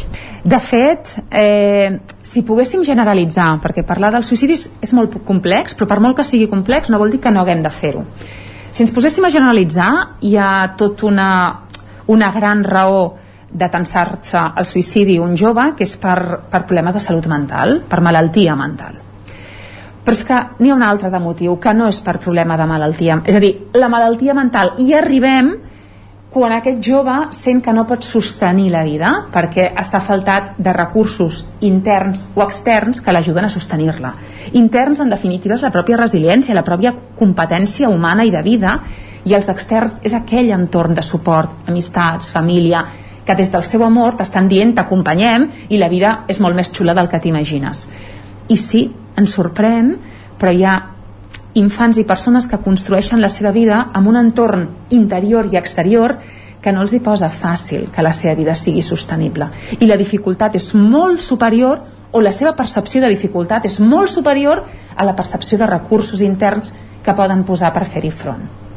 Què passa l'any de pandèmia? Vull dir, sí que és veritat que una de les coses que s'ha parlat obertament és que ha sigut un any on s'han posat de manifest o, o s'han fet evidents molts, molts problemes ja que segurament molts joves tenien eh, i que potser amb el dia a dia de l'escola quedaven difuminats, el fet d'estar de, tancats a casa van fer aflorar molts d'aquests altres problemes emocionals com trastorns alimentaris o coses similars eh, amb el suïcidi ha passat una cosa similar? Sí, hem de pensar que l'any de la pandèmia se'ns trenquen els esquemes i el marc de vida, per tant, a tothom li suposa el gran esforç adaptatiu. Hi ha edats, edats, moments vitals, on adaptar-nos ha estat més senzill però hi ha franges d'edat on, on l'adaptació esdevé molt complexa. L'adolescència i la primera joventut és una etapa on en què no és una etapa individual majoritàriament, és una, és una etapa col·lectiva on ens construïm gràcies a la relació amb l'altre, però la relació de tacte, de contacte a diferents nivells, des de l'amistat a la sexualitat amb la qual cosa aturar aquest procés de vida natural i desenvolupament natural del cos i del cervell a, a un col·lectiu on els resulta indispensable viure, sentir i experimentar per construir-se, d'entrada és un xoc. A partir d'aquí trobem aquells infants i joves o adolescents i joves en aquest cas que s'han adaptat amb el seu cos però amb certa normalitat on l'entorn familiar o de convivència els ha ajudat a l'adaptació però hi ha hagut altres joves i adolescents que no s'hi han pogut adaptar bé. Amb la qual cosa, si l'adaptació la, si és complexa, el patiment augmenta. Quan hi ha patiment, què busca el cervell? Eh, sortir del patiment. Per tant, han aparegut molts, eh, moltes conductes eh, d'excessiu ús de xarxes socials, eh, de jocs, eh, d'alcohol, excessiu ús de drogues, tot això és problemàtic en si mateix? Ho és, però el problema que ho ha generat és la base, que és la dificultat d'adaptar-me a un repte de vida pel qual jo no em sentia preparat. Per tant, això el que ens va portant periòdicament és a pensar que no estem preparant a la societat i als joves perquè es puguin adaptar amb més lleugeresa i agilitat a canvis a la vida, que és que com a adults sabem que n'hi han i que n'hi haurà molts. I la pandèmia el que ha fet és exagerar aquelles situacions on abans apareixien petits fantasmes però que la vida social amagava, exagerar aquests fantasmes, fer-los molt grans i molt presents durant un any, un any i mig, i això ha portat a que fos insuportable per molta canalla. qualsevol cas, no podem assenyalar directament a la pandèmia com a la culpable de, sinó com una acceleradora, podríem dir? Exacte, sí. La pandèmia ha posat la circumstància perfecta i en aquesta circumstància perfecta cadascú, cada família, cada col·lectiu ha anat fent el que ha pogut. I hi ha col·lectius i persones en concret o petites comunitats familiars on les circumstàncies han estat tan complexes que adaptar-s'hi positivament ha estat molt difícil quin paper tenim exactament el, els adults amb, amb tot això? Perquè com, com podem, suposo que la mateixa pandèmia ens ha superat a nosaltres també com a adults, però de cop segurament moltes famílies s'han trobat a casa amb realitats que ni se n'havien adonat que tenien, no? Quin, quin paper hem d'assumir en aquest sentit? Nosaltres, la, la societat en general i els educadors i educadores. Uh, els adults de referència tenim un paper clau per què? Perquè som far per aquesta canalla, per aquests joves. És cert que és una edat que ens miren de reull, no ens validen del tot, però això a nosaltres ens ha de ser igual. És a dir, malgrat que amb aquesta edat prefereixin els iguals, la presència de l'adult que observa, que mira de comprendre, que fa de far i de guia o que acompanya és absolutament indispensable. Per què? Perquè són unes edats on surten de l'ou eh, surten de l'ou i comencen a connectar amb una vida que no sempre està pensada per ells, sinó que està pensada per més adults, però la societat els està portant a córrer amb rapidesa, a agafar espais i rols eh, que fins ara la nostra generació ens ho fèiem quan érem més grans, per tant quan hi havia una major maduresa cerebral, eh, cognitiva i emocional, per tant ens toca la feina de mirar de prop. Si aquells rols que estan ocupant són rols que els pertoca o si els poden desenvolupar eh, amb certa normalitat i amb poc cost de patiment. Això per una part. És a dir, mirar amb, amb quins entorns s'estan movent i què és el que estan fent en aquests entorns. Per una altra part, observar molt de prop la conducta d'aquest jove, si és una conducta cap al que sabem d'ell o ella en resulta normal, si hi ha alguns trets que ens criden l'atenció, i finalment hi ha un altre paper, que és el paper educatiu. I aquest paper educatiu com a famílies, com a escoles, instituts, com a entorns educatius informals, entorns esportius, entorns culturals, aquestes activitats de lleure. Com la societat en general, eh, no podem obviar que aquesta joventut cal que sigui cuidada, cal que sigui atesa i cal que l'encaminem, malgrat que això ens suposi una difícil relació amb ells i elles perquè d'entrada no ho volen. Però és la nostra responsabilitat perquè des d'on estem ens és molt més fàcil poder veure amb quines dificultats poden estar-se trobant. Amb això d'alguna manera som capaços jo crec que d'entrada perquè deies ara hem d'estar molt més atents dels que, del que segurament estem. El problema moltes vegades és quan detectes una situació així i potser no t'és no a casa, no? t'és relativament externa, com un professor que pugui detectar-ho amb algun alumne. Quines són les passes a fer, diguéssim? Com actues quan tu detectes que un alumne no està bé i, i, i que això pot derivar en, en problemes més grans, diguéssim? El sistema educatiu ha d'estar molt ben informat del Codi Risc Suïcidi, que actualment existeix a Catalunya, i que té uns protocols per tant, cal conèixer molt bé en quin moment podem entrar en aquest codi risc, apretar el botó vermell perquè aquest jove i la seva família pugui ser atesa. Um, per tant, jo crec que hi ha també un tema de, de responsabilitat de cada centre educatiu de ser coneixedor d'aquells recursos immediats i comunitaris que té al seu voltant perquè des de l'entorn educatiu no podem donar la resposta que aquest jove necessita. La primera resposta que cal donar és una resposta mèdica, generalment, de psiquiatria, de vegades amb farmacologia, però no és suficient, perquè la farmacologia el que fa és aturar, eh, aturar la sintomatologia, però la sintomatologia més externa, és a dir, les ganes d'autolesionar-se, les ganes de morir, les ganes de desaparèixer. La sintomatologia aquesta externa està fonamentada en un malestar que és el que cal treballar, és el que cal comprendre és el que cal acompanyar el jove a que en sigui conscient i des d'aquesta consciència de m'està passant no ho sé, que, que em fa massa mal que, que no pugui comptar prou amb l'amor de la meva família mm, el meu entorn em sento sol les xarxes socials a més són un bon reflexe d'aquesta soledat. En determinats posts que es pengen en determinats likes que rebo que no rebo. Per tant és ajudar el, el, el jove a que sigui coneixedor i coneixedora de quin és el seu dolor i des d'aquí poder-lo acompanyar a poder-lo superar, és a dir, a poder-lo reparar. Mai ens volem suïcidar si no hi ha un dolor que sentim com a irreparable, o generalment no, sempre i quan estiguem parlant de persones que no estiguin amb un trastorn mental, amb una malaltia mental, que malauradament llavors el, el marc canvia completament Parlaves de les xarxes socials, segons en quina, de, des de quin punt de vista poden semblar amigues o enemigues en tot, en tot això, no? Perquè sembla que segurament han sigut moltes vegades causants de, o són moltes vegades causants de malestar emocional i al mateix temps poden, poden ajudar a, a detectar no? segons quina situació estigui visquent un, una jove que d'altra banda igual no podríem accedir-hi eh, jo encara les veig per aquestes edats encara les veig més un risc que una possibilitat d'informació. Més, en, més enemigues que amigues, eh? Exacte, sí.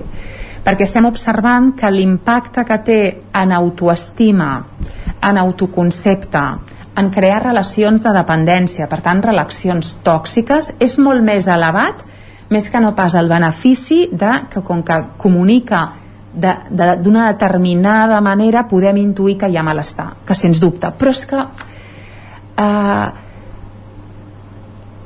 les persones eh, no només comuniquem a través de les xarxes socials el nostre dolor aquelles hores tancats i tancades a l'habitació aquella desgana aquell, aquelles cares que veiem que el nostre jove no ha dormit bé aquelles respostes que ens fan pensar que són fruit d'algú que no està funcionant eh, per sort tenim, tenim altres entorns on ho pot mostrar per tant, les xarxes socials amb aquesta edat, perquè és important acotar-ho, eh, amb aquesta edat són més una font de competició i, i de generació de, de dolors tant relacionants com interns a nivell d'autoestima més que no pas una oportunitat comunicativa i una oportunitat per observar, malauradament. Una de les xifres que comentàvem just abans i que és de les que més impacten potser en aquest article és a aquestes 14 morts de menors de 15 anys.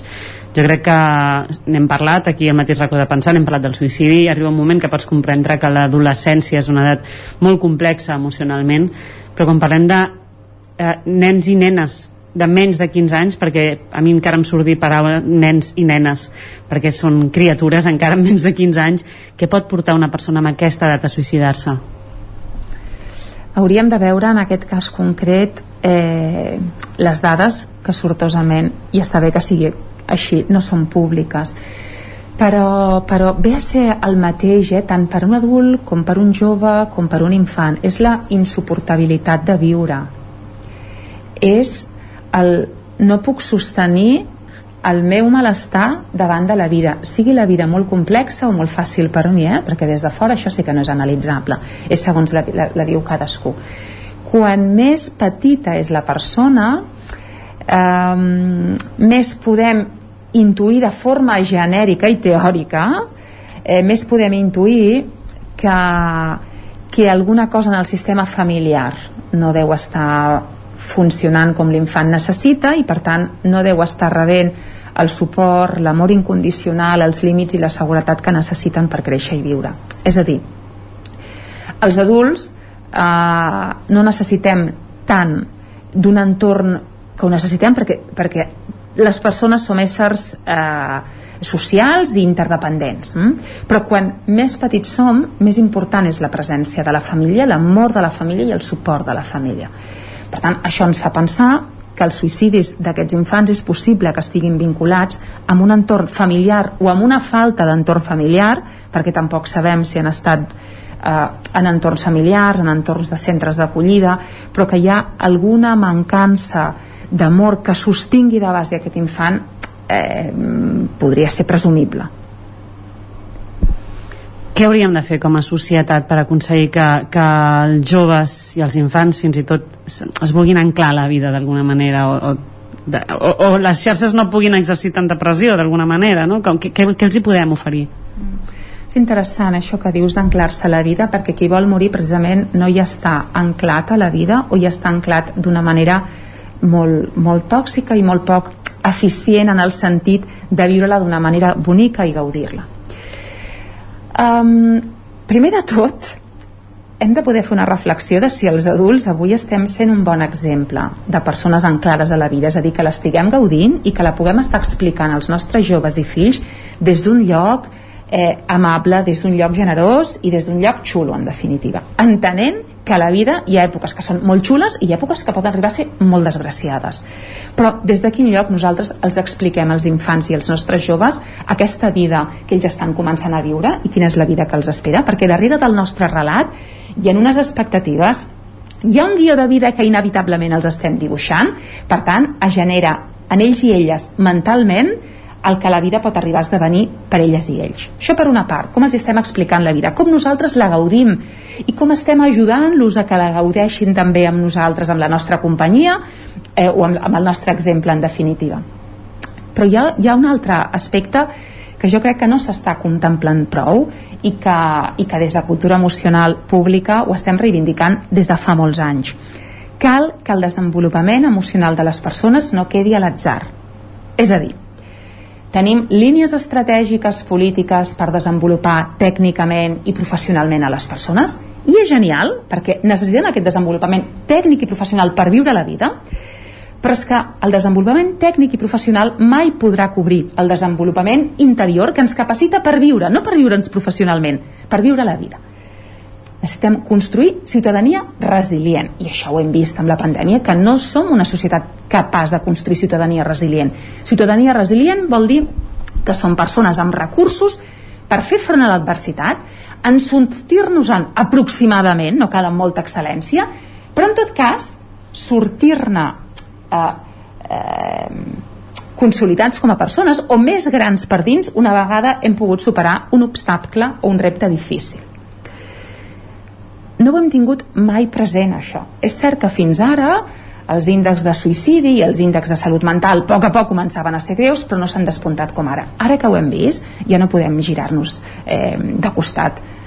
Necessitem construir societats que ens facilitin desenvolupar competència emocional amb les persones. Competència emocional són recursos per fer front a aquelles circumstàncies que emocionalment ens desborden i ens desborden negativament però també recursos per poder autogenerar-nos a nosaltres mateixes i als nostres col·lectius de convivència benestar emocional.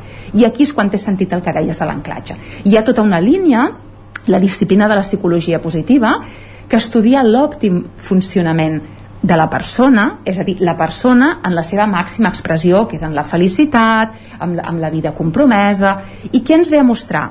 Que és important que les persones però començant des de la infantesa els ajudem a construir una identitat positiva, un autoconcepte, una autoestima, un, un sentiment d'autoeficàcia, que els ajudem a viure una vida amb emocions positives per l'impacte que tenen en la salut mental, en les relacions humanes i en la salut física, les emocions positives, una vida amb sentit, una vida compromesa, compromesa amb el seu sentit, això no pertoca eh, parlar-ne als infants, però als joves ja sí, tu què sents que vens a fer la vida, amb què t'agradaria contribuir i començar-los a elevar en aquest significat que té la seva existència o la seva vida per cadascun d'ells i elles que a poc a poc vagin escollint activitats, persones, extraescolars que els ressoni amb aquest sentit que per ells té la vida eh? per tant que s'hi puguin comprometre i que sàpiguin escollir relacions positives si el nostre sistema educatiu si les nostres famílies poguéssim estar més alineades amb aquests